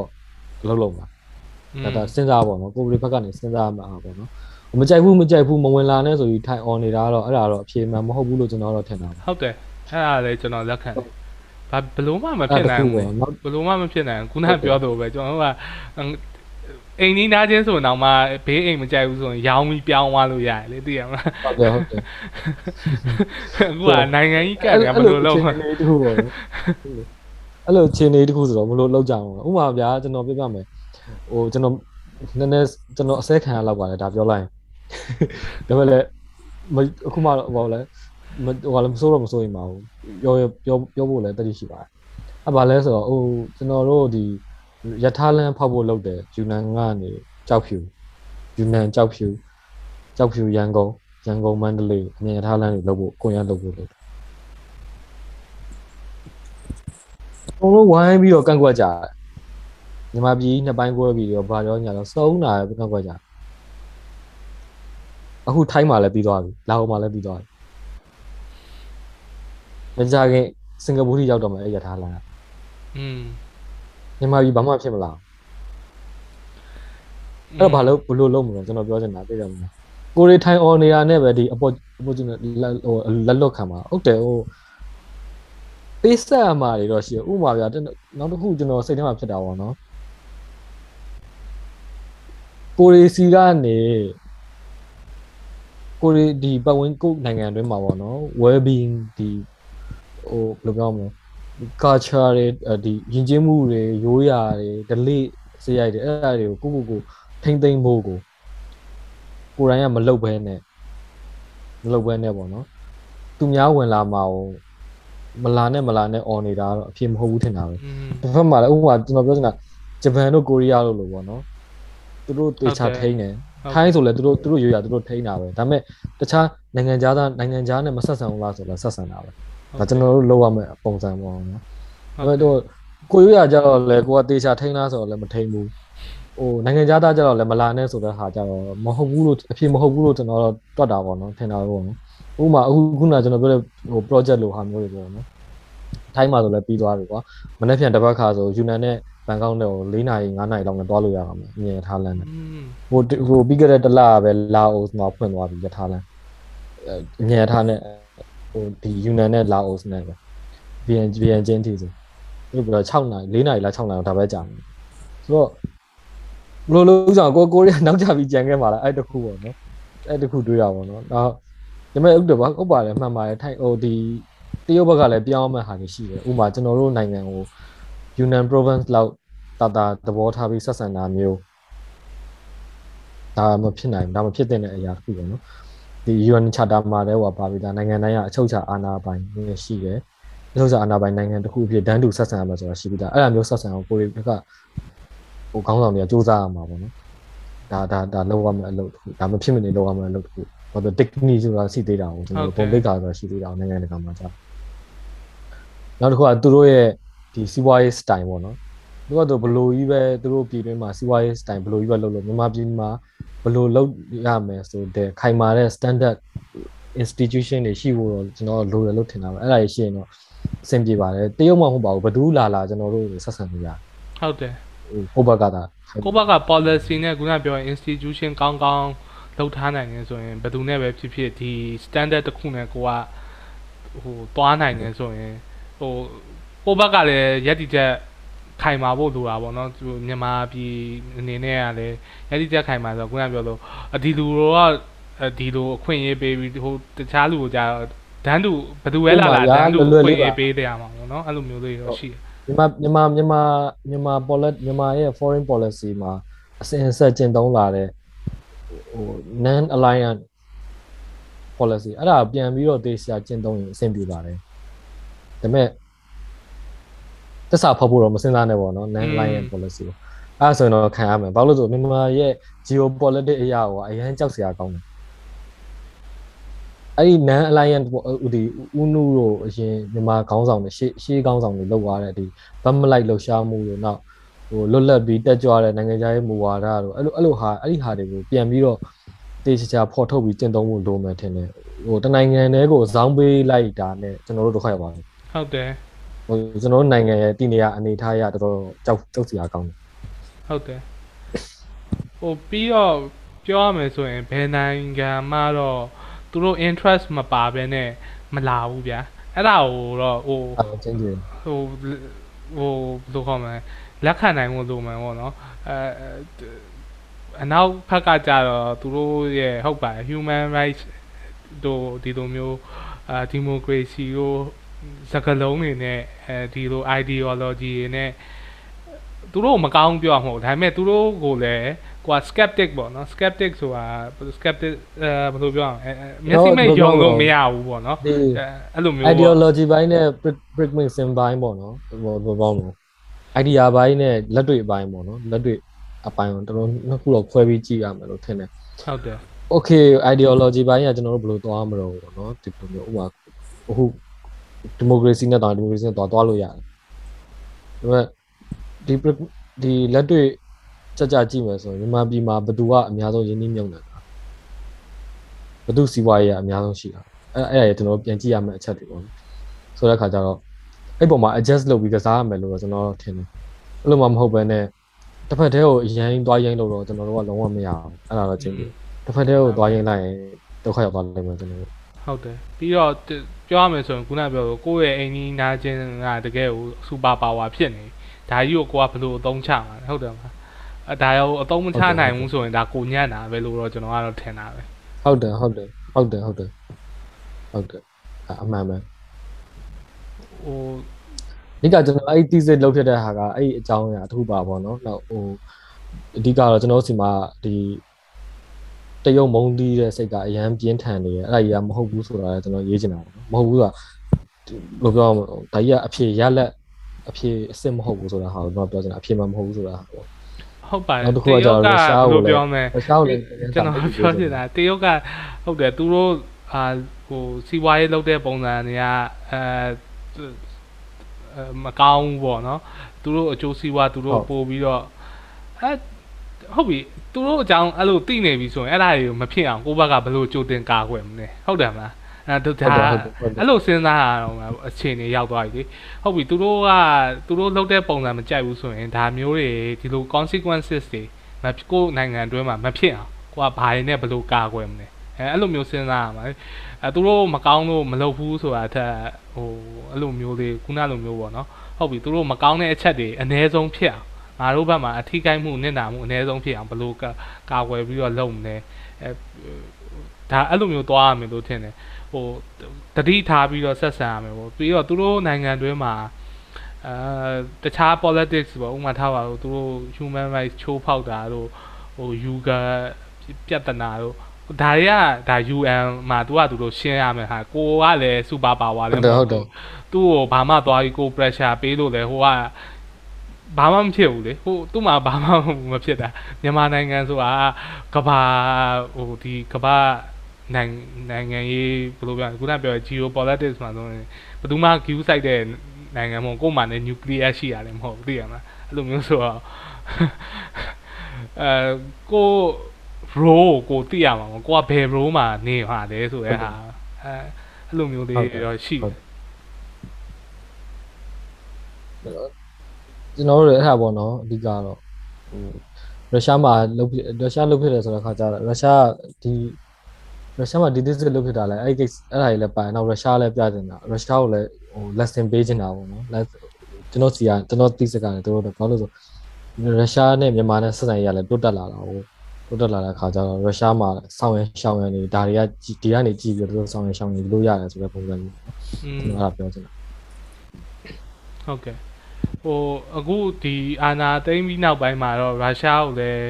ပို့ပြီးတော့ဟိုမြန်မာအဲဒီ public ဆန်ဒီဒီဒီ civilian တွေကပို့ပြီးတော့တော့အာအရင်ကထပ်ပို့ပြီးတော့မုန်းလာတယ်လို့ထင်တယ်ပေါ့နော်ဟိုအဲသူဒါအဲ့ဒီပုံမှာရောဟိုဘယ်လိုအခုအမြင်ဘယ်လိုရှိလဲမသိ ဒါကတော့ emotion တွေနဲ့ဆုံးဖြတ်ကြတာဟုတ်ခံစားချက်တွေနဲ့ဆုံးဖြတ်ကြတာဟုတ်ခံစားခံစားချက်တွေပြင်းထန်နေတဲ့အချိန်ဆိုတော့ဒါကတော့ဖြစ်မှာပဲပေါ့နော်ဟိုကျွန်တော်တို့စစချင်းဟိုအရင်2017ဦးသိန်းစိန်စတဲ့အချိန်မှာဒီမြစ်ဆုံစီမံကိန်းတို့လက်ပတောင်းတောင်တို့ဖြစ်ခဲ့တဲ့ဟာတွေပြန်ကြည့်ရင်လည်းဒီတိုင်းပဲပေါ့ဒီဒီ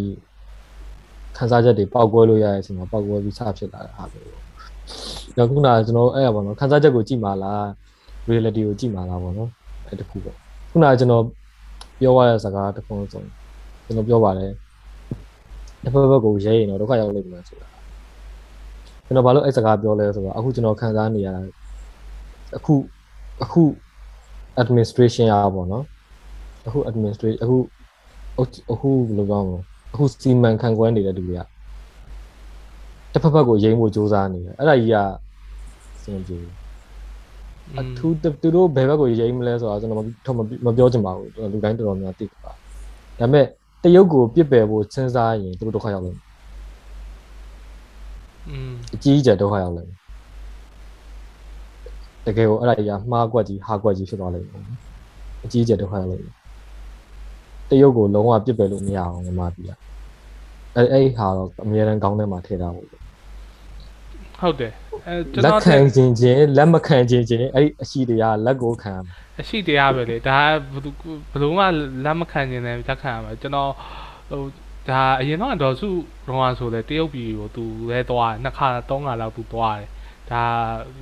ဟိုသူလဲတော်တော်ကြိုးကြိုးစားစားတိဆောက်တယ်လို့ပြောရင်ဒီ relationship ကိုပေါ့နော်ဟိုဟိုတော်တော်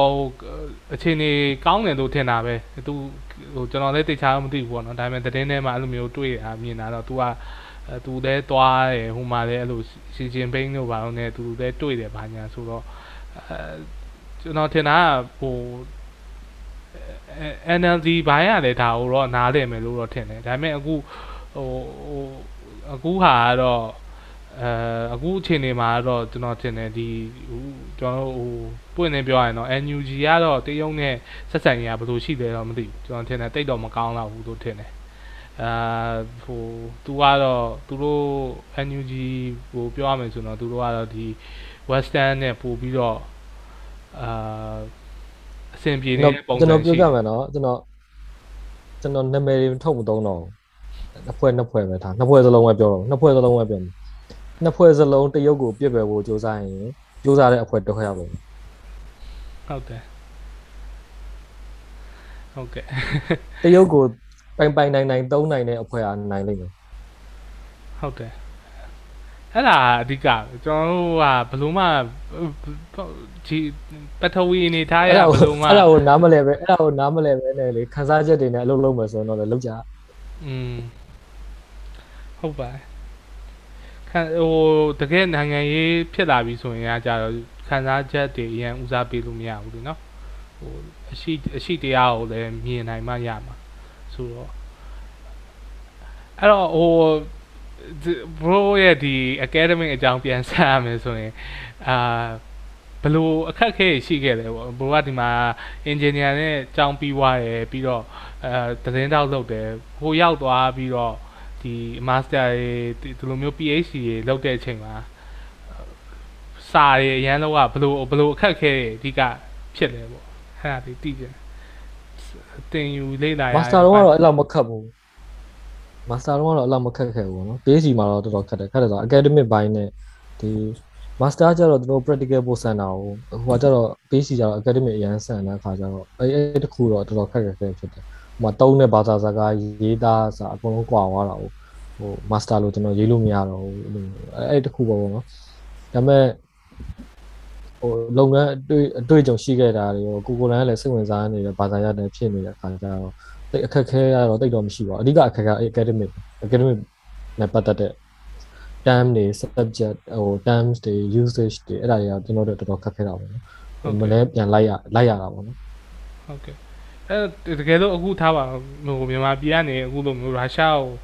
ကြောင်းတာတက်ချင်တယ်ဆိုရင်ဘယ်လိုနီးတန်းနေရှိတယ်ပေါ့အဲအခုအခုဟိုတက်တဲ့ကြောင်းမှာအများဆုံးနီလန်ကတော့ဟုတ်အများဆုံးဟိုနီလန်ကတော့အခုတက်တဲ့ကျောင်းသားတွေရှိတယ်ရှိတယ်ဟို UFA ကနေရုရှားနဲ့ဘာသာစကားနဲ့ရုရှားဘာသာစကားနဲ့ပြည်ကျောင်းသားတွေဒီမှာရှောက်နေရတယ်ရှိတယ်၄၅6ရှိတယ်ဟိုတက်နေကြတာရှိတယ် ဟိုအဓိကအများဆုံးရှောက်ကြတာတော့ရုရှားအစိုးရ scholarship ပေါ့နော်အဲအဲ့မှာတခုကျွန်တော်တခုပြောဖို့ကြံပါရုရှား scholarship ကအဲအဆင်မပြေတာတခုရှိတယ်အဲဘာလဲဆိုတော့ तू က stipend မပေးဘူး stipend အရင်နေတယ်မပေးဘူးမပေးတယ်အရင်နေတယ်တစ်လောက်ဒေါ်လာ20လောက်ပဲရတယ်အဲ့တော့နေစိတ်စားစိတ်ကကိုယ့်အရာတောင်းနိုင်မှတောင်းမှရမှာပေါ့နော်ဆိုတဲ့ခါကျအဲ့လိုမျိုးရှိတယ်သူပေးတဲ့ဟာကဟိုချက်ချင်းစိတ်ပဲပေးရတာအကြောင်းစိတ်ပဲပေးရအောင်ဒီနေ့လေလက်မှတ်တွေပါတော့ကိုယ်စိတ်နဲ့ကိုလာရတာဆိုတော့အဲ့အဲ့ဟာလေးတခုရရှိတယ် အဓိကများသောအားဖြင့်ရှောက်ကြတော့ Russia scholarship ကျွန်တော်လိုပဲပေါ့နော်ကျွန်တော်တို့ Russia scholarship ရှောက်တယ်ကျွန်တော်အကြောင်းကိုရှောက်ချင်တာအဲ့ဒါနောက်တစ်ခုရုရှားမှာအမြင်ကတ်ခံရတဲ့ဟာတခုနောက်တစ်ခုပေါ့နော်။အဘာလဲဆိုတော့တခြားကျောင်းတွေအကုန်လုံးက scholarship ရှောက်ရယ်ဝင်ကြီးဌာနကိုသူတို့ဝင်ကြီးရုရှားဝင်ကြီးဌာနကိုတိုက်ရိုက်ရှောက်ရတယ်ရုရှား scholarship ဆိုရ scholarship ကိုတိုက်ရိုက်ရှောက်ရရှောက်ပြီးတော့အဲ့မှာကျွန်တော်တို့ဟိုဆက်တန်းတုန်းကလိုမျိုးပေါ့ဗျာဟိုလေ အစိုးပြုဘာသာရရဆိုပြီးတော့အစိုးပြုတက္ကသိုလ်ဆိုပြီးအောက်မှာရေးရတယ်လို့ဆရာကလည်းသူတို့လည်းအဲ့လိုပေါ့နော်ကိုတက်ချင်တဲ့တက္ကသိုလ်ကို1 2 3ပေါ့အစင်လိုက်ရေးပေးလိုက်ရတော့နော်အဲ့တက္ကသိုလ်3ခုရတစ်ခုခုရရင်တက်ချင်တာဆိုတော့อืมရေးပြီးတော့အဲ့လိုရှောက်သွားအဲ့ဒါတခြားတက်ကူရုရှားတက်ဆိုတော့ကျွန်တော်ကြောင်းကြတာအဲ့လိုမဟုတ်ကျောင်းကိုပဲတိုက်ရရှောက်ကျောင်းနဲ့ professor တွေစီကိုတိုက်ရရှောက်သူတို့လက်ခံရင်ရသူတို့လက်ခံပြီဆိုတော့မှအဲ့ဒီ scholarship ရုရှား scholarship ဖောင်ကိုဖြည့်ရတယ်သူတို့လက်ခံဆိုရသွားပြီဟိုကလက်ခံပြီလား သူတို့လက်ဟိုဘက်ပြီးတော့မှဟိုဘက်ကစီးရင်ဝင်အောင်လို့ဖောင်ဖြည့်ရတာပေါ့နော်အဲ့ပုံနဲ့ဆိုတော့အဲ့ဒါအဲ့ဟာအရန်ကွာအဲ့ဒါလေးကွာကွာတာပေါ့နော်အဲ့ဒါလည်းအမြင်ကသူကတကယ်ကိုလွတ်လပ်တဲ့တက္ကသိုလ်တစ်ခုဖြစ်နေတာအဲ့ပေါ့ဗျာအဲ့အဲ့လိုမျိုးဖြစ်နေတာဟုတ်တယ်ဟုတ်တယ်တချို့တချို့ဟိုကျွန်တော်တွေ့တယ်ဟိုနှစ်ယောက်တော့ UFA ကဟိုကျွန်တော်တက်ချင်တာကျွန်တော်ကြောင်းဒါပေမဲ့သူတို့အဲ့ဒီနီလန်အဲ့ဒီဟာလေးကိုသူတို့မသိခဲ့တဲ့အခါကျတော့သူတို့ခြားချောင်းရောက်သွားတယ်နော်အော်သူအဲ့လိုမျိုးဖြစ်တာရှိဟုတ်ကဲ့ ဟိုဟိုဒီရုရှားအကြောင်းလေးဆက်ပြီးတော့ဟိုဟာဖြစ်တယ်အဲ့လိုမျိုးတခြားမျိုးတွေသွားဘူးလေဆိုတော့သူတခြားမျိုးတွေမှာရောဒီဒီအင်္ဂလိပ်သူတို့ဘာသာစကားပဲသူတို့ပြောမှာပေါ့နော်သူတို့အင်္ဂလိပ်တော့မပြောကြ tourist place မှာတော့ဘာသာစကားရုရှားလိုပဲသုံးကြတာอืมပြောင်းလဲတာဘယ်တော့မှပြောင်းလဲလဲဆိုတော့2018ဟုတ်ပါဟုတ်တယ်2018နော် World Cup ကဟုတ်တယ်လားရုရှား World Cup ဟုတ်တယ်ဟုတ်တယ်ကျွန်တော်အဲ့ချိန်မိုက်ပြန်တော့ကျွန်တော်မသိတော့2018အဲ့ World Cup World Cup မတိုင်ခင်နဲ့ World Cup ပြီးတော့မှတော်တော်ပြောင်းလဲအဲ့မှာအဲ့တော့မှဟိုစိုင်းပုတ်တွေလမ်းညွန်စိုင်းပုတ်တွေပါတယ်မှာရုရှားလိုရုရှားလိုရောအင်္ဂလိပ်လိုရောနှစ်မျိုးလုံးရေးတာအဲ့ World Cup လုပ်ခဲ့တဲ့မျိုးတွေအကုန်လုံးပါဘောနော်အရင်တော့ဆိုရုရှားလိုပဲရေးတာဒီမြေရောက်ရထားထဲမှာကျင်ညာလဲရုရှားလိုပဲအခုနောက်ပိုင်းကျတော့မော်စကိုမှာမြေရောက်ရထားတဲ့မှာကျင်ညာနဲ့ရုရှားအင်္ဂလိပ်ဟိုစိုင်းဘုတ်တွေဆိုလည်းရုရှားအင်္ဂလိပ်လို့ဆိုပါအဲ့နည်း World န Cup ည်းနည်းနည်း multi culture နည်းနည်းဖြစ်လာတာပေါ့ဟုတ်တယ်ဟုတ် ပြီးတော့စိတ်ဝင်စားတာသူတို့ရှိမှကြာတော့ဟိုဘာကိုးကွယ်မှုများလဲပေါ့ Christian လားဘယ်လိုဘာဘာကိုးကွယ်ကြသူတို့ Christian အဲဒီမဲ့လူငယ်တွေကြားထဲမှာတော့ဘာသာမဲ့တွေတော်တော်များလာတယ်ဟောဘာသာမဲ့တွေတော်တော်များလာတယ်လူငယ်တွေကြားထဲမှာကျွန်တော်တစ်ဖက်၄ယောက်ရှိတာတော့ကဘာသာမဲ့လာလူဝင်နေဖြစ်နောက်အဓိကသူတို့ကိုးကွယ်တာက Orthodox ဟုတ် Christian တော့อืมဟိုဟာ Christian ထဲမှာတော့ဒါ very traditional အဖြစ်ဆုံးပေါ့နော်ရှေးဟောင်းအကြဆုံး Christian ဘွဲတို့ပြောလို့ရတယ်အဲ Orthodox ကိုသူတို့ပို့ပဲအဲ့တော့အရန် traditional ဖြစ်တာပေါ့နော်သူတို့ကอืมဟိုအဲ့လိုမျိုးအဲ့မှာကြာအဲ့လိုမျိုးခုနပြောတဲ့ night club တွေဘာတွေတော့ရှိတယ်ပေါ့နော် Enter- entertainment နဲ့ပတ်သက်ပြီးအဲ့လို night club တွေ concert တွေတော့ရှိရှိတယ်ရှိတယ်ရှိတယ်ရှိတယ် ရှိတယ်ဟုတ်ကဲ့ဒီလူငယ်တွေဘိုင်းနဲ့ပတ်သက်တဲ့ဟာတွေကတော့အများကြီးရှိတယ်အကုန်ရှိတယ်တခြားမျိုးတွေမှာလည်းရှိပါတယ်ရာသီဥတုကြတော့အဲ့လိုပူနေဘယ်ဘယ်ပူတဲ့အချိန်အောင်ရှိတာအများနဲ့မအေးနေရတာအဲ့လိုမျိုးသူ့ရဲ့ဆမ်မာကမြန်မာပြည်ရဲ့ဆောင်းတွင်းပေါ့ဘယ်လိုပြောလို့ရမြန်မာပြည်ရဲ့ဆောင်းတွင်းကသူ့ရဲ့ဆမ်မာပဲဒါပေမဲ့အဲ့ဒါလည်းဟိုပါပါပဲအများဆုံးနှစ်လထက်မပိုဘူးဟိုကျန်တဲ့ အချိန်ကတော့ဟိုဟာဂျားမှာပြတာပဲ30နဲ့30 30နဲ့30နဲ့15 30နဲ့အနှုတ်5အဲ့ဂျားထဲမှာပြတာကျန်တဲ့ချိန်ကအအခုအချိန်ကြတော့ဟိုဘယ်လိုအခုအခုထားပါကျွန်တော် November ဆိုတော့အခုကအေးနေပြီပေါ့အင်းနေပြီနှင်းကြနေပြီနင်းကြတယ်အပြင်ထွက်ရင်လို့နင်းကြအနေထူပြီအထူဟိုအထဲကြီးတွေဝတ်ပြီးသွားအောင်ပေါ့အ ပြင်ထွက်ရင်တော့အနည်းဆုံးနှစ်ထပ်သုံးထပ်ဝယ်ရအင်ကြီးတစ်ခါဝယ်ဖို့အဲ့အပြင်တစ်ခါဆောင်းနေဆိုအပြင်တစ်ခါထွက်ရမယ်ဆိုအင်ကြီးဝယ်ဖို့က7မိနစ်လောက်ချိန်ပေးရအဲ့ဒါကြီးတော်တော်စိတ်ညစ်ဖို့ကောင်းတာကျွန်တော်တို့တော်တော်တော်တော်အေးမှာနော်တော်တော်သူသူတို့ဘယ်လိုခေါ်မလဲဟိုအဲ့ဒီတခြားဆောင်းရောဆောင်းနေအေးအေးဆုံးမော်စကိုမှာကျွန်တော်ကြုံဘူးတာအနှုတ်20 25ထိကြုံအဘူးနှုတ်20အိုး အနှုတ်20ဆိုတာစဉ်းအောင်စဉ်းစားမိဘူးဘယ်လောက်အေးမှန်းမသိဘူးဟုတ်တယ်ဟိုဗလင်းဘောက်ကနေရေရေဗလင်းဘောက်ကနေရေခွက်နဲ့ရေပတ်လိုက်ရင်လေအဲ့ရေရကွာလို့ဆိုတာအငွေ့ဖြစ်သွားခရစ်စတယ်လို့အဲ့လိုအငွေ့ဖြစ်သွားအာတော်တော်အေးမှာပဲအနှုတ်20 minus 20ဆိုတာအဲ့ကြောင့်နော်ဒုတိယကဘာစစ်မှာလဲဘယ်ဘယ်ပဲဖြစ်ဖြစ်ပါဘယ်ခေတ်မှာပဲဖြစ်ဖြစ်ဒီဘာရှားစောင်းသွင်းကိုမခံနိုင်လို့ရှုံးကြတာပဲနော် ဟုတ်တယ်ဟုတ်တယ်ဟုတ်တယ်ဟုတ်တယ်ဂျာမနီလည်းအဲ့ဒါနဲ့ပဲရှုံးတယ်ဟုတ်တယ်သူကတော်တော်အေးဟဲ့စိုက်ဘီးရီးယားလေရုရှားအလဲပိုင်းရအောင်ပို့ဆိုတယ်အမှတော့ဟိုဟာလောက်ရှိရှိတာအနှုတ်90လောက်တိရှိတာတစ်ခါကျရင်อืมအဲ့ဘက်တွေရောဘယ်ကျွန်တော်အဲ့မျိုးကသွားလဲဝစဉ်းစားသေးတယ်အိုးမရဘူးလေမရဘူးသေးသွားတော့လဲကျင်သေးတယ်အဲ့ဘက်တွေအဲ့သွားလဲကျင်အဲ့အနှုတ်90ဖြစ်တဲ့ချိန်ကိုသွားကျင်တာဘယ်လိုလဲဆိုတော့ခါသားကြည့်ချင်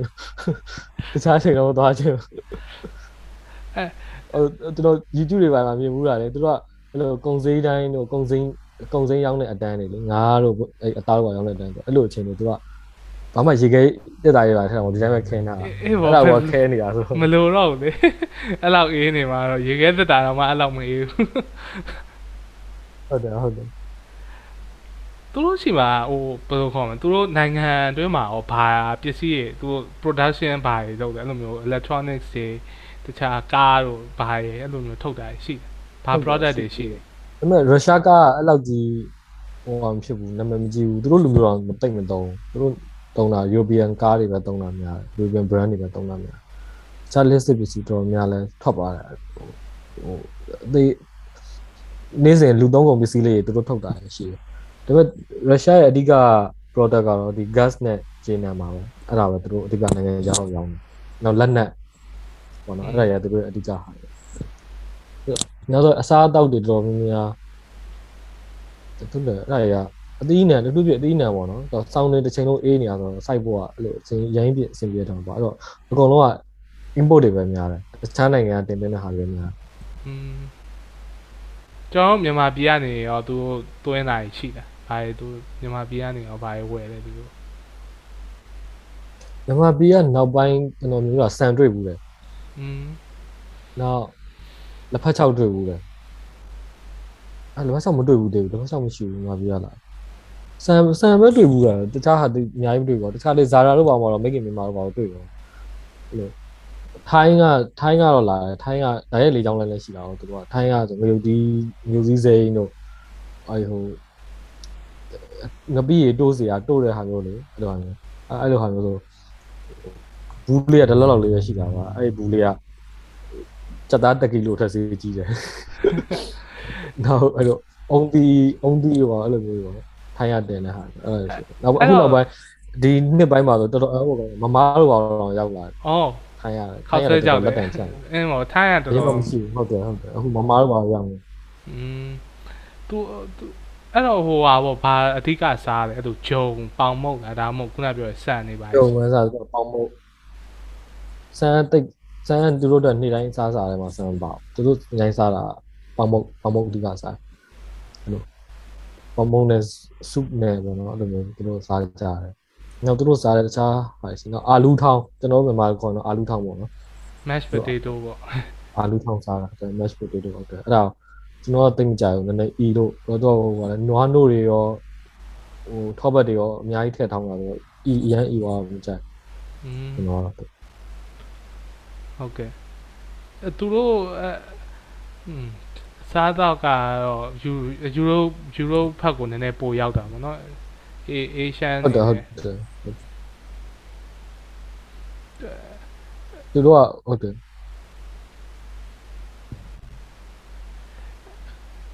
အခုနေသူတို့လာကိုယ်တိုင်ဘယ်ကအရန်လောက်ရုကြာရုရှားနေတာဘယ်လောက်ကြာပြီအဲ့မှာတော့6နှစ်ရှိ6နှစ်ရှိ2015ရဲဆို6နှစ်ရှိပြီအော် စကားသူတို့စကားရောအဲ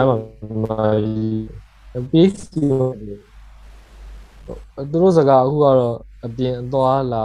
သူတို့ဆက်ဆံဖို့ပါအနည်းဆုံးတော့ကိုကြောင် gossip အတင်းပြောနေတော့သိတာပေါ့နော်အဲအဲ့လိုမျိုးတော့ဖြစ်ပါဟိုတေအဲ့လိုအဲတေချာအတန်းကျောင်းမှာရောအဲ့လိုအတန်းတွေပါယူပြီးတော့တက်တာတွေပါမရှိဘူးပေါ့ကြိုင်မဲရှိသွားရင်လာရင်လည်းပဲဟောဟုတ်ကဲ့ဟုတ်ကဲ့ ကိုကတော့ကိုကိုလေ့လာတယ်အဲ့လိုမျိုးနောက်ရုရှားတငယ်ချင်းတွေစီကနေတင်တယ်အဲ့လိုရုရှားအကြောင်းမှာမရှိဘူးလို့ဆိုတော့ဟိုလိုမျိုးတော့မဟုတ်ဘူးအကြောင်းကဟို semester တစ်ခုတော့ free ပေးတယ်တဲ့ international အကြောင်းသားတိုင်းရုရှားကို semester တစ်ခု free ပေးတယ်အဲ့ basic ရတာပေါ့နော်အဲ့ဒီရတယ်အဲ့မှာရောအဲ့လိုမျိုးဟိုခုနပြောလို့စင်းရဲချမ်းသာပေါ့နော်အဲ့လိုမျိုးသူတို့ရဲ့ ကွာဟမှုကအရန်ကြီးတာ middle class များလားပေါ့ middle class များတယ်သူတို့က middle class များတယ်တော့အဲ့ဒါဟုတ်ကျွန်တော်တငယ်ချင်းတွေပြောတာတော့ကြားဘူးတာတော့ဒီတခြားနယ်မျိုးတွေမှာဆိုရင်တော့နည်းနည်းစင်းရဲချမ်းသာကွာမှုနည်းနည်းကြီးတယ်လို့ပြောတယ်อืม။ကျွန်တော်ရောက်ခဲ့ဘူးတဲ့မျိုးတွေမှာတော့ middle class ကတော်တော် middle class များတယ် အဲ့ဒါလည်းဟိုပါပေါ့2014နောက်ပိုင်းသူတို့အဲ့ဒီ sanction တွေခံရတဲ့အချိန်မှာပို့ပြီးတော့ဆိုးသွားတယ်လို့ဖြစ်တာอืมဟုတ်တယ်နော်ဟိုကျွန်တော်ပြီးတော့နောက်တစ်ခုကလေဟိုတော်တော်နာမည်ကြီးလိုက်သေးတာဒီရုရှားဒီအိုလံပစ်မှာလေသူတို့ဟိုစေအားကစားသမားတွေကိုစေအသားမြင့်စေတုံးတဲ့ဟာလေအဲ့ကိစ္စကကျွန်တော်တော်တော်နာမည်ကြီးလိုက်တယ်နော် အဲ့ဒါကျွန်တော်သိချာတော့မသိဘူးတော့ကြားတော့ကြားဘူးလိုက်တယ်ဟုတ်တယ်ဟုတ်တယ်ဟိုကျွန်တော်မဟုတ်တိဟိုဟာဖြစ်တယ်ဆိုတာ Netflix မှာတည်းလေအဲ documentary တခုကြည့်လိုက်ရတာသူတို့ကတုံးကဟိုအဲ့လိုအဲသူတို့အများကြီးပေါ့နော်အဲ့လိုမျိုးပါဝင်ပြီးတော့သူတို့တော့အကုန်လုံးကအဲ့လိုစေးပလင်းတွေအဲပလင်းတွေလဲတာတွေရောဗာတွေရောအကုန်လုံးအဲ့လို KGB တို့ဗာတော့အစပေါ့ဟိုပါတယ်ပေါ့နော်အဲ့လိုမျိုးရင်းနဲ့ အဲအခုအဓိကသိချင်တာအဲ့ဒီဟိုကျွန်တော်တို့ KGB တို့တည်တည်တဲ့အဖွဲ့အစည်းကအခုချိန်ထိရုရှားမှာ strong ဖြစ်တော့မယ်ပေါ့อืมအခုအဲ့နာမည်နဲ့မဟုတ်တော့ဘူးတော်တော်ရှိတော့ရှိမှာပါဘာလို့လဲဆိုဒီလိုနိုင်ငံကြီးတွေမှာကတော့ဟိုဒီ intelligent အဖွဲ့အစည်းကောင်းကောင်းဆိုတာတော့ရှိလို့ရှိရတာပဲဟိုရှိပါတယ်ဟုတ်ကဲ့ အဲအဲ့တော့ဟိုအခုဘာအခုလိုမျိုးပေါ့နော်ဒါ bro ဒီမှာအခု PhD thesis ဆယ်ဟိုဟာဖြစ်သွားပြီဆိုရင်အဲ့မှာပဲကိုကစာပြန်တင်မှာလားဒါမှမဟုတ်တခြားနိုင်ငံဆက်သွားမှာလားဘယ်လိုမျိုးလဲရင်းပြီးကျွန်တော်အဲ့ဒါကျွန်တော်အခုထိတေချာမစဉ်းစားရသေးဘူးဒါပေမဲ့စဉ်းစားထားတော့ဟိုဟိုတနေရာမှာပေါ့နော်နှစ်နှစ်လောက်ဟိုလုပ်ငန်းအတွေ့အကြုံပြီးတော့မြန်မာပြည်ပြန်ဖို့တော့စဉ်းစားထားတယ်อืม နိုင်ငံခြားမှာအခြေချဖို့တော့စိတ်ကူးမရှိဘူးကျွန်တော်ဟုတ်ကဲ့အဲ့တော့မြမြန်မာပြည်ပြန်ဖို့စိတ်ကူးရှိရဆိုတော့မြန်မာပြည်မှာဘာအဲလုပ်ဖို့စိတ်ကူးထားလဲပေါ့ဒီကသူတေသနာပိုင်းကိုလုပ်ချင်တာပေါ့နော်။ငါပြသူတေသနာအရင်အားနေတယ်။အဲအဲ့ခါကျွန်တော်သနာဒတိထားမိရော။ဟိုသူတေသနာကိုအရင်လုပ်ချင်တယ်။နောက်အဲ့သူတေသနာကိုလည်းကျွန်တော်မြန်မာဘာသာစကားနဲ့ပို့ပြီးလုပ်ချင်တယ်။ ဟိုအဲ့တော့လူတိုင်းလက်လန်းမိအောင်လို့ပေါ့နော်။မြန်မာပြည်မှာရှိတဲ့လူတိုင်းလက်လန်းမိ။ဟိုကျွန်တော်မှသူတေသနာအားနေတယ်။အားနေတဲ့အပြင်ဟိုဘာသာစကားကအင်္ဂလိပ်ကိုပဲဦးစားပေးပြီးလုပ်ကြတဲ့အခါကျတော့မပြောတော်တော်ကြီးကို gap ဖြစ်သွားတယ်လို့ကျွန်တော်ထင်တယ်။ဟိုမှာရုရှားမှာဆိုရင်သူတေသနာကရုရှားသူတေသနာတွေအများကြီးပဲလေသူတို့ဘာသာကသူလုပ်ထားတာလည်းအများကြီးရှိတယ်ဆိုတော့အဲ့ဒါအရင်အဆင်ပြေတယ်ကွာလူတိုင်းလည်းလမ်းမိတယ် ဆိုတော့အဲ့အဲ့ဟာမျိုးပေါ့နော်ကျွန်တော်ပြန်လုပ်ချင်တယ်อืมဟုတ်တယ်အဲလောလောဆယ်အခြေအနေပေါ်မှာရော personal မြန်မာနိုင်ငံသားတယောက်အနေနဲ့ဘယ်လိုမြင်လဲပေါ့အခုကျွန်တော်ဖြစ်နေတဲ့မြန်မာပြည်ရဲ့အဲလက်ရှိဥမာထားပါစီးပွားရေးကတော့လုံးဝဟိုဘယ်လိုလဲသိမှာပါစီးပွားရေးကတော်တော် down သွားတာပေါ့နော်လုံးဝ minus တွေအနှုတ်တွေပြသွားတယ်ဆိုတော့အဲဘယ်လိုဘယ်လိုဘယ်လိုမြင်လဲပေါ့ ကောင်းကောင်းလာဖို့ကောင်းလာအောင်ဘယ်လိုလုပ်ရင်ကောင်းလာမလဲပေါ့ပဲပါတယ်အဲ့ဒါခန်းစားချက်တွေပေးဖက်လိုက်တိုင်းပြည်အတွက်ပဲကြည်လို့ရင်ကွန်မွန်ဟိုဘုံသဘောတူညီချက်တွေဘုံရည်ရွယ်ချက်တွေထွက်လာလိမ့်မယ်အခါကျရင်အဲ့လိုလုပ်ရတာလောရလိမ့်မယ်အခုကကျွန်တော်ခန်းစားတာကျွန်တော်မြင်တာပေါ့နော်ကျွန်တော် personal အရမြင်တာပြောရင်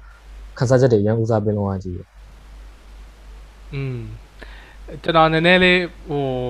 ဘယ်လိုခေါ် push back လုပ်ရမယ်ဆိုတော့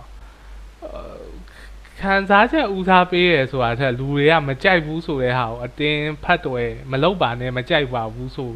အဲလူတို့ရဲ့ဘယ်လိုခေါ်မလဲအလူအများစုရဲ့စာနာကို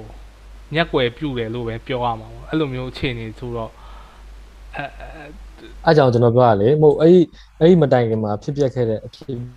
ပျက်တွေလည်းရှိသေးတယ်ကျွန်တော်အဲ့တခုလည်းတော့ပြောလို့မရဘူးဖြစ်ပျက်ဖြစ်ပျက်ခဲ့တဲ့အဖြစ်ပျက်တွေလည်းရှိသေးတယ်ရှိတယ်အဲ့အဟာတွေအကုန်လုံးကိုခြုံပြီးပြောရင်တော့ကျွန်တော်စီဟာအဲ့စကားတစ်ခုမှထောက်မှာခန်းစားချက်ကိုဘေးဖယ်လိုက်တိုင်းပြည်အတွက်လုံးမယ်ဆိုရင်ပို့ပြီးတော့အဆင်ပြေလာနိုင်တယ်ခန်းစားချက်တွေရှေ့တန်းတင်ပြီးလုပ်ကြမယ်ဆိုရင်တော့ဘဒူးနဲ့ကြည်ကြည်ကိုယ်ခန်းစားချက်နဲ့မတူရင်မကိုက်မြင်အဲ့လူကရန်သူဖြစ်နေမှာဟုတ် အဲ့မော်အဲ့မော်ဒါကတော့ဟိုဟာပေါ့ဒါပေမဲ့အခုဟာဖြစ်ပြီးဖြစ်သွားတယ်လို့အဲ့တော့ဟိုဘယ်လိုပြောရမလဲအာဘယ်သူဘာမှလိုက်ပြောရတော့မဟုတ်ဘူးပေါ့နော်ဒါပေမဲ့နိုင်ငံရေးဆိုတာတော့ရှိတယ်ပေါ့နော်ဥပမာထားပါတော့ကျွန်တော်တို့အာရေကောက်ပွဲလုပ်တယ်ရေကောက်ပွဲမှာအဲမဲအများစုနိုင်တယ်ပေါ့နော်နိုင်သွားပြီးတော့မှ ကျွန်တော်ဗမ်းမလိုက်ဘူးပြောမယ်လွန်ခဲ့တဲ့9နှစ်မှာအပြစ်အပြစ်ကျွန်တော်မြင်တဲ့အပြစ်ပြောပြမှာနော်လွန်ခဲ့တဲ့9နှစ်ဟွန်းမြန်မာပြည်နိုင်ငံရေးမှာတ တက်ကိုဖယ်ထုတ်လို့မရဘူး โอเค ဖယ်ထုတ်ဖို့စူးစမ်းရင်အဲစူးစမ်းတဲ့နိုင်ငံရေးလုံးစူးစမ်းတဲ့နိုင်ငံရေးတမမှားမှားလိမ့်မယ်ပေါ့ကျွန်တော်အဲ့လိုတူတယ်ဒါမို့အချိန်တိုင်းတာထူရအောင်တော့သူကလည်းသူညှိပြီးဖြစ်သွားလိမ့်မယ်ဒါပေမဲ့လက်ရှိအချိန်တွေမှာကျွန်တော်ပြောချင်တယ် အဲနောက်တစ်ခုနောက်တစ်ခုကကျွန်တော်ခံကျွန်တော်ခံစားရတာပေါ့နော်ဟိုအရင်အအရင်အုပ်ချုပ်ခဲ့တဲ့လူတွေဒီပြီးခဲ့တဲ့9နှစ်ကအုပ်ချုပ်ခဲ့တဲ့လူတွေဒီဘယ်လိုပြောရမလဲဒီอืมချင်းကပ်ပုံဘိုင်းမှာနည်းနည်းအားနဲ့လို့ကျွန်တော်ထင်တယ်ကျွန်တော်တယောက်ဒီဟို trust building တိစောက်တဲ့နေရာမှာအရင်နည်းနည်းတော်တော်အားနေခဲ့တယ်အဲအဲ့ဒီဟာပြဿနာပေါ့နော်ဥပမာကျွန်တော်အဲကြောင့်ကျွန်တော်ပြောတာပေါ့နော်အကုန်လုံး ဒီအခြေအနေတစ်ခုလုံးချုပ်ပြီးပြောလိုက်ရင်တော့ခံစားချက်တွေဦးစားပေးခဲ့တာပြဿနာတစ်ဖက်နဲ့တစ်ဖက်တစ်ဖက်ကလည်းခံစားချက်ဦးစားပေးတယ်တစ်ဖက်ကလည်းခံစားချက်ဦးစားနှစ်ဖက်လုံးကခံစားချက်နဲ့လုပ်တယ်နောက်ပြီးတော့ဟိုတိုင်းပြည်အတွက်ဆိုတာပျောက်သွားတယ်ငါအဖွဲ့အစည်းသူတို့ကဘယ်လိုဖြစ်သွားလဲဆိုတော့ဥပမာဗျာငယ်တုန်းကဟိုရက်ကွက်ဟိုတော့ဒီအိမ်သူအဲ့အိမ်ကငါအိမ်ဆိုအမြဲတမ်းငါတို့မိသားစုဆိုအမြဲတမ်းအပြစ်ပြောတယ်ဟိုဘက်ကလည်း ဒီအိမ်ကလည်းငါတို့မိသားစုဆိုအမြဲတမ်းအပြစ်ပြောတယ်ငါတို့မိသားစုကိုပဲလိုက်ပြိုင်နေတာပြီးတော့ อืม သူတို့ဟို sense တစ်ခုကဘာပြောက်သွားလဲဆိုတော့ဒီလမ်းထဲမှာငါတို့အတူတူနေနေတယ်ဆိုတဲ့ sense ပြောက်သွား อืมဟိုကျွန်တော်က ကျွန်တော်တို့အဲ့လို ဟို ခံစား ဘယ်ဘက်မှဟိုဒါပေမဲ့အဲ့အဲ့မှာပေါ့တချို့ဟာလေးတွေရှိရပေါ့နော်ဥပမာကျွန်တော်ပြောချင်တာဥပမာဒီလို ICJ ရောက်တဲ့ကိစ္စမျိုးမှာဆိုရင်လိုက်ပြီးတော့လောက်ခဲ့တယ်လောက်ပေးခဲ့ဒါကျွန်တော်ပြောတာနော် ဟိုကောင်းတယ်မပြောဆိုးတယ်လည်းမပြောဘူးဒါပေမဲ့ခုနဘရိုပြောလို့မျိုးဆိုရင်ကြတော့အဲ့လိုမျိုးမဟုတ်ဘူးလို့ထင်တယ်ပေါ့နော်ကျွန်တော်အမြင်ပေါ့နော်ဘာဖြစ်လို့လဲဆိုတော့အဲဒါပွင့်လင်းပြောရင်ဒေါ်စုသူ Nobel စုသိမ်းခံရဘာညာကူကအဲ့စုတွေအကုန်ပြန်သိမ်းဒီလိုမျိုးအခြေအနေပေါ့နော် Western media တစ်ခုလုံးကသူ့ကိုလုံးလုံးဝကြီးဟိုဟာဖြစ်တဲ့အခြေအနေအဲအစိုးမြင်တဲ့အခြေအနေတစ်ခုရောက်အောင်ထီကို तू က လိုက်လုတ်ပေးခဲ့တယ်ပေါ့နော်ဒါနည်းနည်းပြန်ပြီးတော့ဟိုပြောရတဲ့ဟာနဲ့ push back တွေနည်းနည်းလုပ်ကြည့်ရအောင်နော်လုပ်ခဲ့တယ်ဆိုတော့ဒီအခုဆိုရင်ဒီအာနာသိမ့်လိုက်တော့လေဒီ activist တွေတော်တော်များများဒေါ်စုကိုပဲအဖြစ်ပြောကြတယ်သူ့ရဲ့ရင်ကြားစီရေး policy ကြောင့်ဒီလိုဖြစ်တာပေါ့နော်ဟိုအဲ့တော့ကျွန်တော်ထင်တာကတော့ဟိုဟိုပွင့်နေပြောရရင်က တစ်ဖက်ဖက်ကတော့မဟုတ်ကျွန်တော်တခုတခုဖြတ်ပြောမှာနော်ကျွန်တော်လည်းဒီနီလိုင်းတုံးပြီးတော့ဒီလိုမျိုးအပြောင်းလဲလုပ်လိုက်တာဟောလက်မခံဘူးလက်ခံတယ်မှာကျွန်တော်လည်းမပါဘူးဒါတော့ဒါဒါကြီးကအဖြေမှမဟုတ်မဘူးဟုတ်ဘူးအဲ့ဒါကြောင့်မို့အဲ့ကြောင့်မို့ကျွန်တော်ကပြောတာပေါ့အဲ့ဒါဆိုတော့ဗာလေခံစားချက်တွေအရင်ဦးစားပေးလုံးအားကြီးလုံးတယ်လို့အဲ့ဒါကိုပြောတယ်ဟုတ်တယ်ဘယ်နှစ်ဖက်စလုံးကအဲ့လိုဖြစ်သွားတာပေါ့နော်နှစ်ဖက်စလုံးကခံစားချက်ဦးစားပေးတယ်လို့ပြောလို့ရတယ်ဆိုပေမဲ့အာ ခုနပြောခဲ့လို့ပေါ့နိုင်ငံတကာအဲ့လို ICJ အထိမှာတော့မှလိုက်ပြီးတော့ cover လုပ်ပေးခဲ့တယ်ပေါ့နော်ဆိုတဲ့ဟာကိုတော့မှကျွန်တော်လုပ်တယ်ပေါ့ဆိုတော့ဟိုဘယ်ဘက်ကပို့ပြီးတော့ဒါပေမဲ့နောက်ကွယ်ဇလန်တွေအများကြီးကြံသေးရတယ်လေအဲ့ကလကနောက်ကွယ်မှာအဖြစ်အပျက်တွေကအများကြီးရှိသေးတာအဲ့မော်ဒါတွေကတော့သူဟိုကလကာနောက်ွယ်ဆိုတဲ့ဟိုဟာကျွန်တော်တို့လိုတာမန်လူတွေကမသိတော့ဘူးလေဟုတ်တယ်မလားကျွန်တော်လည်းမသိပါဘူး အဲအဲ့လိုဟုတ်ပါတယ်သဘောပြောပြတယ်ကျွန်တော်တို့လိုဒီလိုမျိုးတာမန်ရက်သားတွေကဘယ်လိုမှမသိနိုင်တော့ဒါနောက်ွယ်မှာသူတို့အချင်းချင်းဘယ်လိုတွေဖြစ်တယ်ဒါအပြင်ကိုလည်းမသိဘူးသူတို့ထဲကလူတွေလည်းတချို့ထိပ်ပိုင်းလူတွေတော့ပဲသိမယ်ဗျအဲ့လိုမျိုးအချိန်တွေမှာကြတော့ဟိုအပြင်ကနေအမြင်ပေါ့နော်သတင်းတွေအမြင်မှာကြတော့ဟိုဟိုလူအများကျွန်တော်တို့ဒီမိုကရေစီကိုတကယ်သွားတယ်ဆိုရင်ကြတော့ခုနပြောလို့ပေါ့ ခံစားချက်ဦးစားပေးတယ်ဆိုတာထက်လူတွေကတော့ခံစားလူအများစုကတော့ခံစားချက်နဲ့သွားမှာပဲပေါ့နော်ကျွန်တော်ကတော့အဲ့လိုမြင်တယ်ဟိုဒီမိုကရေစီမှာကြတော့ဟိုလူအများစုရဲ့ဟာကိုဦးစားပေးပြီးတော့လူနည်းစုကိုကာကွယ်ရတာအဲ့လိုမျိုးမြင်တာပေါ့နော်ကျွန်တော်အမြင်ကလူအများစုရဲ့ဆုံးဖြတ်ချက်ကိုဦးစားပေးတဲ့ပြီးတော့လူနည်းစုအခွင့်အရေးကိုကာကွယ်တာဒီမိုကရေစီလို့ကျွန်တော်ထင်တာပေါ့နော်အဲဆိုတော့ ဒီလိုဖြစ်တဲ့နေရာမှာဒီလိုအင်အားသုံးပြီးတော့လုပ်တဲ့ဟာတော့ဘယ်လိုမှအဆင်မပြေဘူးပေါ့နော်အခုလိုမျိုးဖြစ်သွားတော့လေနှစ်အခုပွင့်နေပြောရရင်နှစ်ဘုံဝါကိုပြန်နှစ်ချမ်းပြန်ပြန်ကွဲတယ်လို့ပဲပြောအောင်ပါပေါ့နော်အဲ့လိုကြီးဖြစ်သွားတော့ဘယ်သူတော့မှလည်းဘယ်သူတော့မှမကောင်းဘူးဆိုတာတည်းတကယ်ပြည်သူတွေပဲခံရတာပေါ့ဥပမာဟိုကျွန်တော်ခုပြီးခဲ့တဲ့အပတ်ကဆိုကျွန်တော်ဒီထန်တလန်မြို့မှာမြို့ဇာတိတယောက်နဲ့ကျွန်တော်စကားပြောရဲဆိုလဲ တကယ်တာမန်ပြည်သူတွေပဲဒုက္ခရောက်တာတကယ်တမ်းဖြစ်တဲ့အချိန်ကြတော့ဟိုတပ်ဖက်ကဆိုလဲကျွန်တော်ပြောချင်တာစစ်ကောင်စက်ကဒီတပ်မတော်ဘက်ကဆိုလဲဘယ်ဘူချုံမှဆင်းပြီးတော့တနတ်နဲ့ရှေ့တန်းထွက်မတိုင်ဒါကျွန်တော်အမြင်တဲ့တဲ့ဟုတ်တယ်မလားအောက်ခြေစစ်သားတွေပဲတေးတာဟုတ်တယ်နော်ဟိုပြည်သူတွေဘက်ကဆိုလဲခလေးတွေကအစဟိုဘသူအကုန်လုံးဆုံးရှုံးတယ်အိမ်နေဆုံးရှုံးဘယ် လိုပဲဖြစ်ဖြစ်ဒါကြီးကမဟုတ်နိုင်ဘူးညာကျွန်တော်ပြောပြပါတော့လားဝီအာမြန်မာဖြစ်တဲ့တနေ့အဆင်ပြေသွားလိမ့်မယ်အခုပြဿနာဝီအာမြန်မာမဖြစ်သေးလို့ဟုတ်တယ်ဟိုအေးဝလေဒါသူဘယ်လိုခေါ်မလဲပြီးတော့အာကိုဂျိုးစီးပွားရေးလည်းပါမှာပေါ့နော်အဲပြောရမယ်ဆိုရင်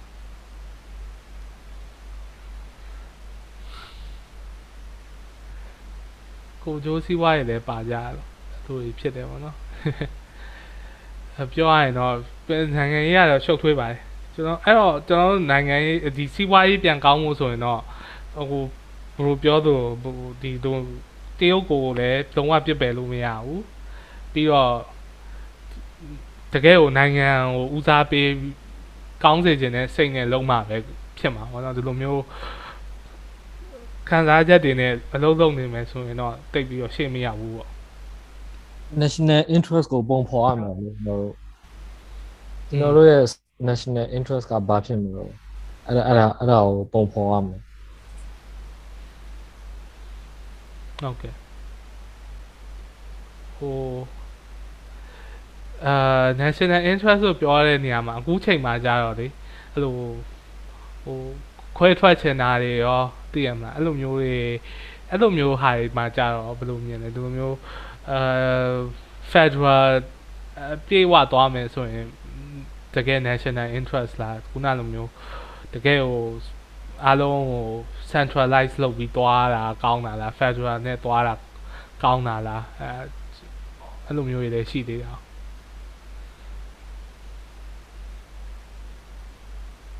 ကမ္ဘာမှာ model တွေအများကြီးရှိပါ ဆိုလဲအိန္ဒိယတို့ဘာလို့ model ကောင်းကောင်းနေရှိတာနောက်အခုအခု state ပဲ federal state တွေအများကြီးရှိပါသေးတယ် US တို့ဘာလို့လဲရှိတာကြည့်ကြည့်ပြီးတော့ကိုနဲ့အကိုက်ညီဆုံးဖြစ်မဲ့ဟာကိုယူပေါ့နော်ယူဖို့ဆိုတာကျွန်တော်ပြောပုံလူကူးချဖို့ကတော့အစင်မဖြစ်နိုင်ဘူးကျွန်တော်ထင်ဘာလို့လဲဆိုကျွန်တော်တို့မှာမတူညီတဲ့ delay စရိုက်တွေမတူညီတဲ့ culture တွေမတူညီတဲ့ tradition တွေအများကြီးရှိသေးတာဟုတ်အဲ့တော့ဆုံးဖြစ်မဲ့ဟာကိုကိုယ်တိုင်ပုံဖော်နိုင်ဖို့ပဲလိုတာပေါ့နော်အဲ့အဲ့ဒါတော့ကျွန်တော်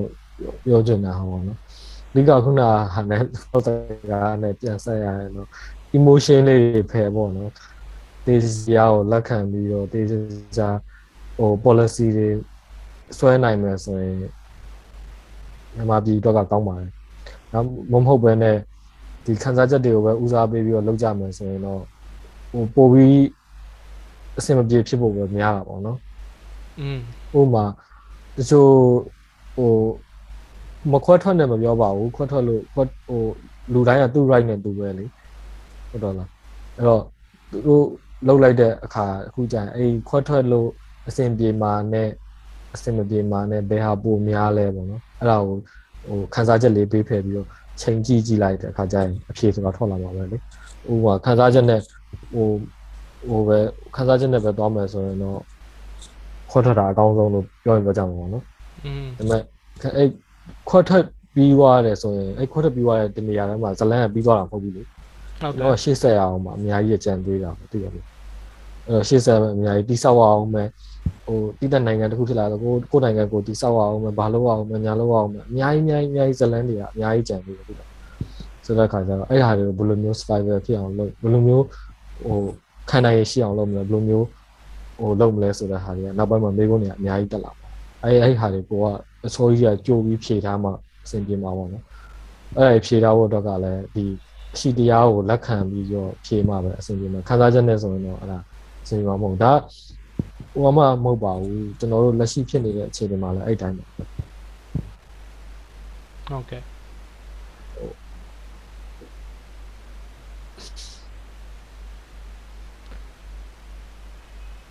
ဟိုအခုအဲဘယ်လောက်ဟိုပါဗောလေဒီဒီကျွန်တော်တို့မြန်မာပြည်နဲ့ရုရှားနဲ့အချိန်ဘယ်လောက်လောက်กว่าလဲဒီ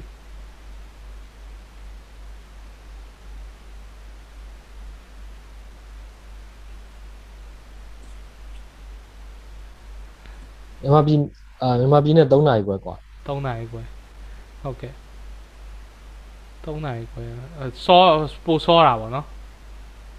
ဟိုကျွန်တော်နောက်ကြတာ နောက်ကြ မြန်မာပြည်ကပို့စောတယ် ဩဟုတ်ကဲ့ပါအခုကျွန်တော်လည်းပြောလာတာတော်တော်လေးပြည့်စုံဖြစ်သွားပြီဟိုအာဆိုတော့လေအချိန်လည်းတော်တော်ကြာနေပြီဆိုတော့အခုလိုမျိုးအချိန်ပေးပြီးတော့အဲကျွန်တော်ရဲ့ကျွန်တော်နဲ့လာပြီးတော့ဒီလိုမျိုးတော်ကီပွားပေးရကျေးဇူးပါလို့ ဟုတ်ရပါတယ်ကျွန်တော်လည်းပြောခွင့်ရတာကျေးဇူးအများကြီးတင်ပါတယ်ဘာလို့လဲဆိုဒီရုရှားရုရှားနိုင်ငံကမြန်မာចောင်းသားတွေပေါ့နော်ဟိုထည့်ပြီးစဉ်းစားတဲ့နိုင်ငံတစ်နိုင်ငံမှာဒါကျွန်တော်ဒီမှာចောင်းပြီးကြလို့ကျွန်တော်အဲ့ဖက်လိုက်ပြောတာမဟုတ်ဘူးပေါ့နော်ဘာလို့ဆိုဟိုအကြောင်းပြချက်တွေကအများကြီးရှိပါတယ်မြန်မာကဘာမှာဘာလို့ရုရှားဒီလိုနေရာရောက်နေလဲနောက်ပြီးတော့ဟို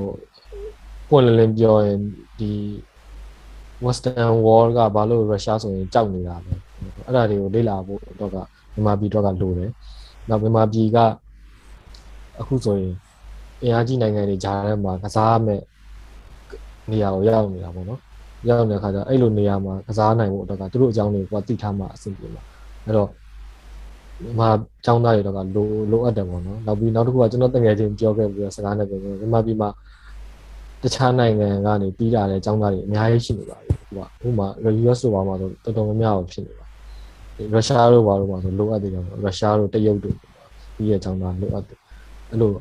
အဲ့လိုမျိုးတွေများများရှိလာတဲ့အခါကျတော့မှဟိုဘက်ကဥပမာဒီ Western နဲ့ US ကပြီးလာတဲ့အကြောင်းသားတွေနဲ့ကျွန်တော်တို့ဒီဘက်ကရုရှားတို့ကပြီးလာတဲ့အကြောင်းသားတွေနဲ့အကုန်လုံးစုလုပ်လိုက်တဲ့အခါစုစုပြီးစုပေါင်းလုပ်လာတဲ့အခါကျမှဒီကိုယ်နိုင်ငံနဲ့အတင်တော်ဆုံးဖြစ်မဲ့ policy တွေကိုယ်နိုင်ငံနဲ့အတင်တော်ဆုံးဖြစ်မဲ့အတွေးအခေါ်တွေထွက်လာပြီးတဲ့အခါဒီတိုင်းပြည်တော့ပို့ပြီးတော့လုပ်လို့အဆင်ပြေတယ်အကောင်းတာပေါ့နော်။ဥမဟုတ်ဘူးဆိုရင်ကျွန်တော်တို့ကတစ်ဖက်တည်းတစ်ဖက်ကပဲလွှမ်းမိုးမှုကိုကျွန်တော်တို့ခံသွားခံပြီးတော့လုပ်နေတာပြောရလို့ပေါ့နော်အဲအဲအဲ့ဒီခါကြောင့်နိုင်ငံရဲ့အနေအထားဟိုကဂျားမှာရောက်နေတဲ့နိုင်ငံဖြစ်တဲ့အတွက်ကျွန်တော်တို့ကလိုအပ်တယ်ဟုတ်ကဲ့ဟိုအရမ်းမှန်ပါတယ်ကောင်းပါတယ်ဒါဟိုဘယ်ရပဲဖြစ်ဖြစ်ကောင်းတဲ့ဟာကိုယူပြီးတော့ကျွန်တော်တို့ကဟို ကောင်းတဲ့ဟာတွေကိုယူတင်တာမဟုတ်ကောင်းဘယ်နိုင်ငံမှာဖြစ်ဖြစ်ဘယ်ဟာပဲဖြစ်ဖြစ်100%ကောင်းတယ်100%ဆိုးတယ်ဆိုတာမှမရှိရအောင်အဆိုးနဲ့အကောင်းဆိုတာအမြဲတမ်းတွန်းတွဲနေရဆိုတော့အကောင်းဆုံးတွေကိုယူလာပြီးတော့ဟိုအဲ့လိုခုနပြောလို့ပေါ့အားလုံးပေါင်းပြီးတော့လုံနိုင်မယ်ဆိုရင်တော့အကောင်းဆုံးပါပေါ့အာကျေးဇူးပါဟုတ်အဲ့ဆိုရင်ဟုတ်ကဲ့အဲ့ကျွန်တော်ကျွန်တော်ကျေး recording ဇူးလေးများတင်ပါတယ်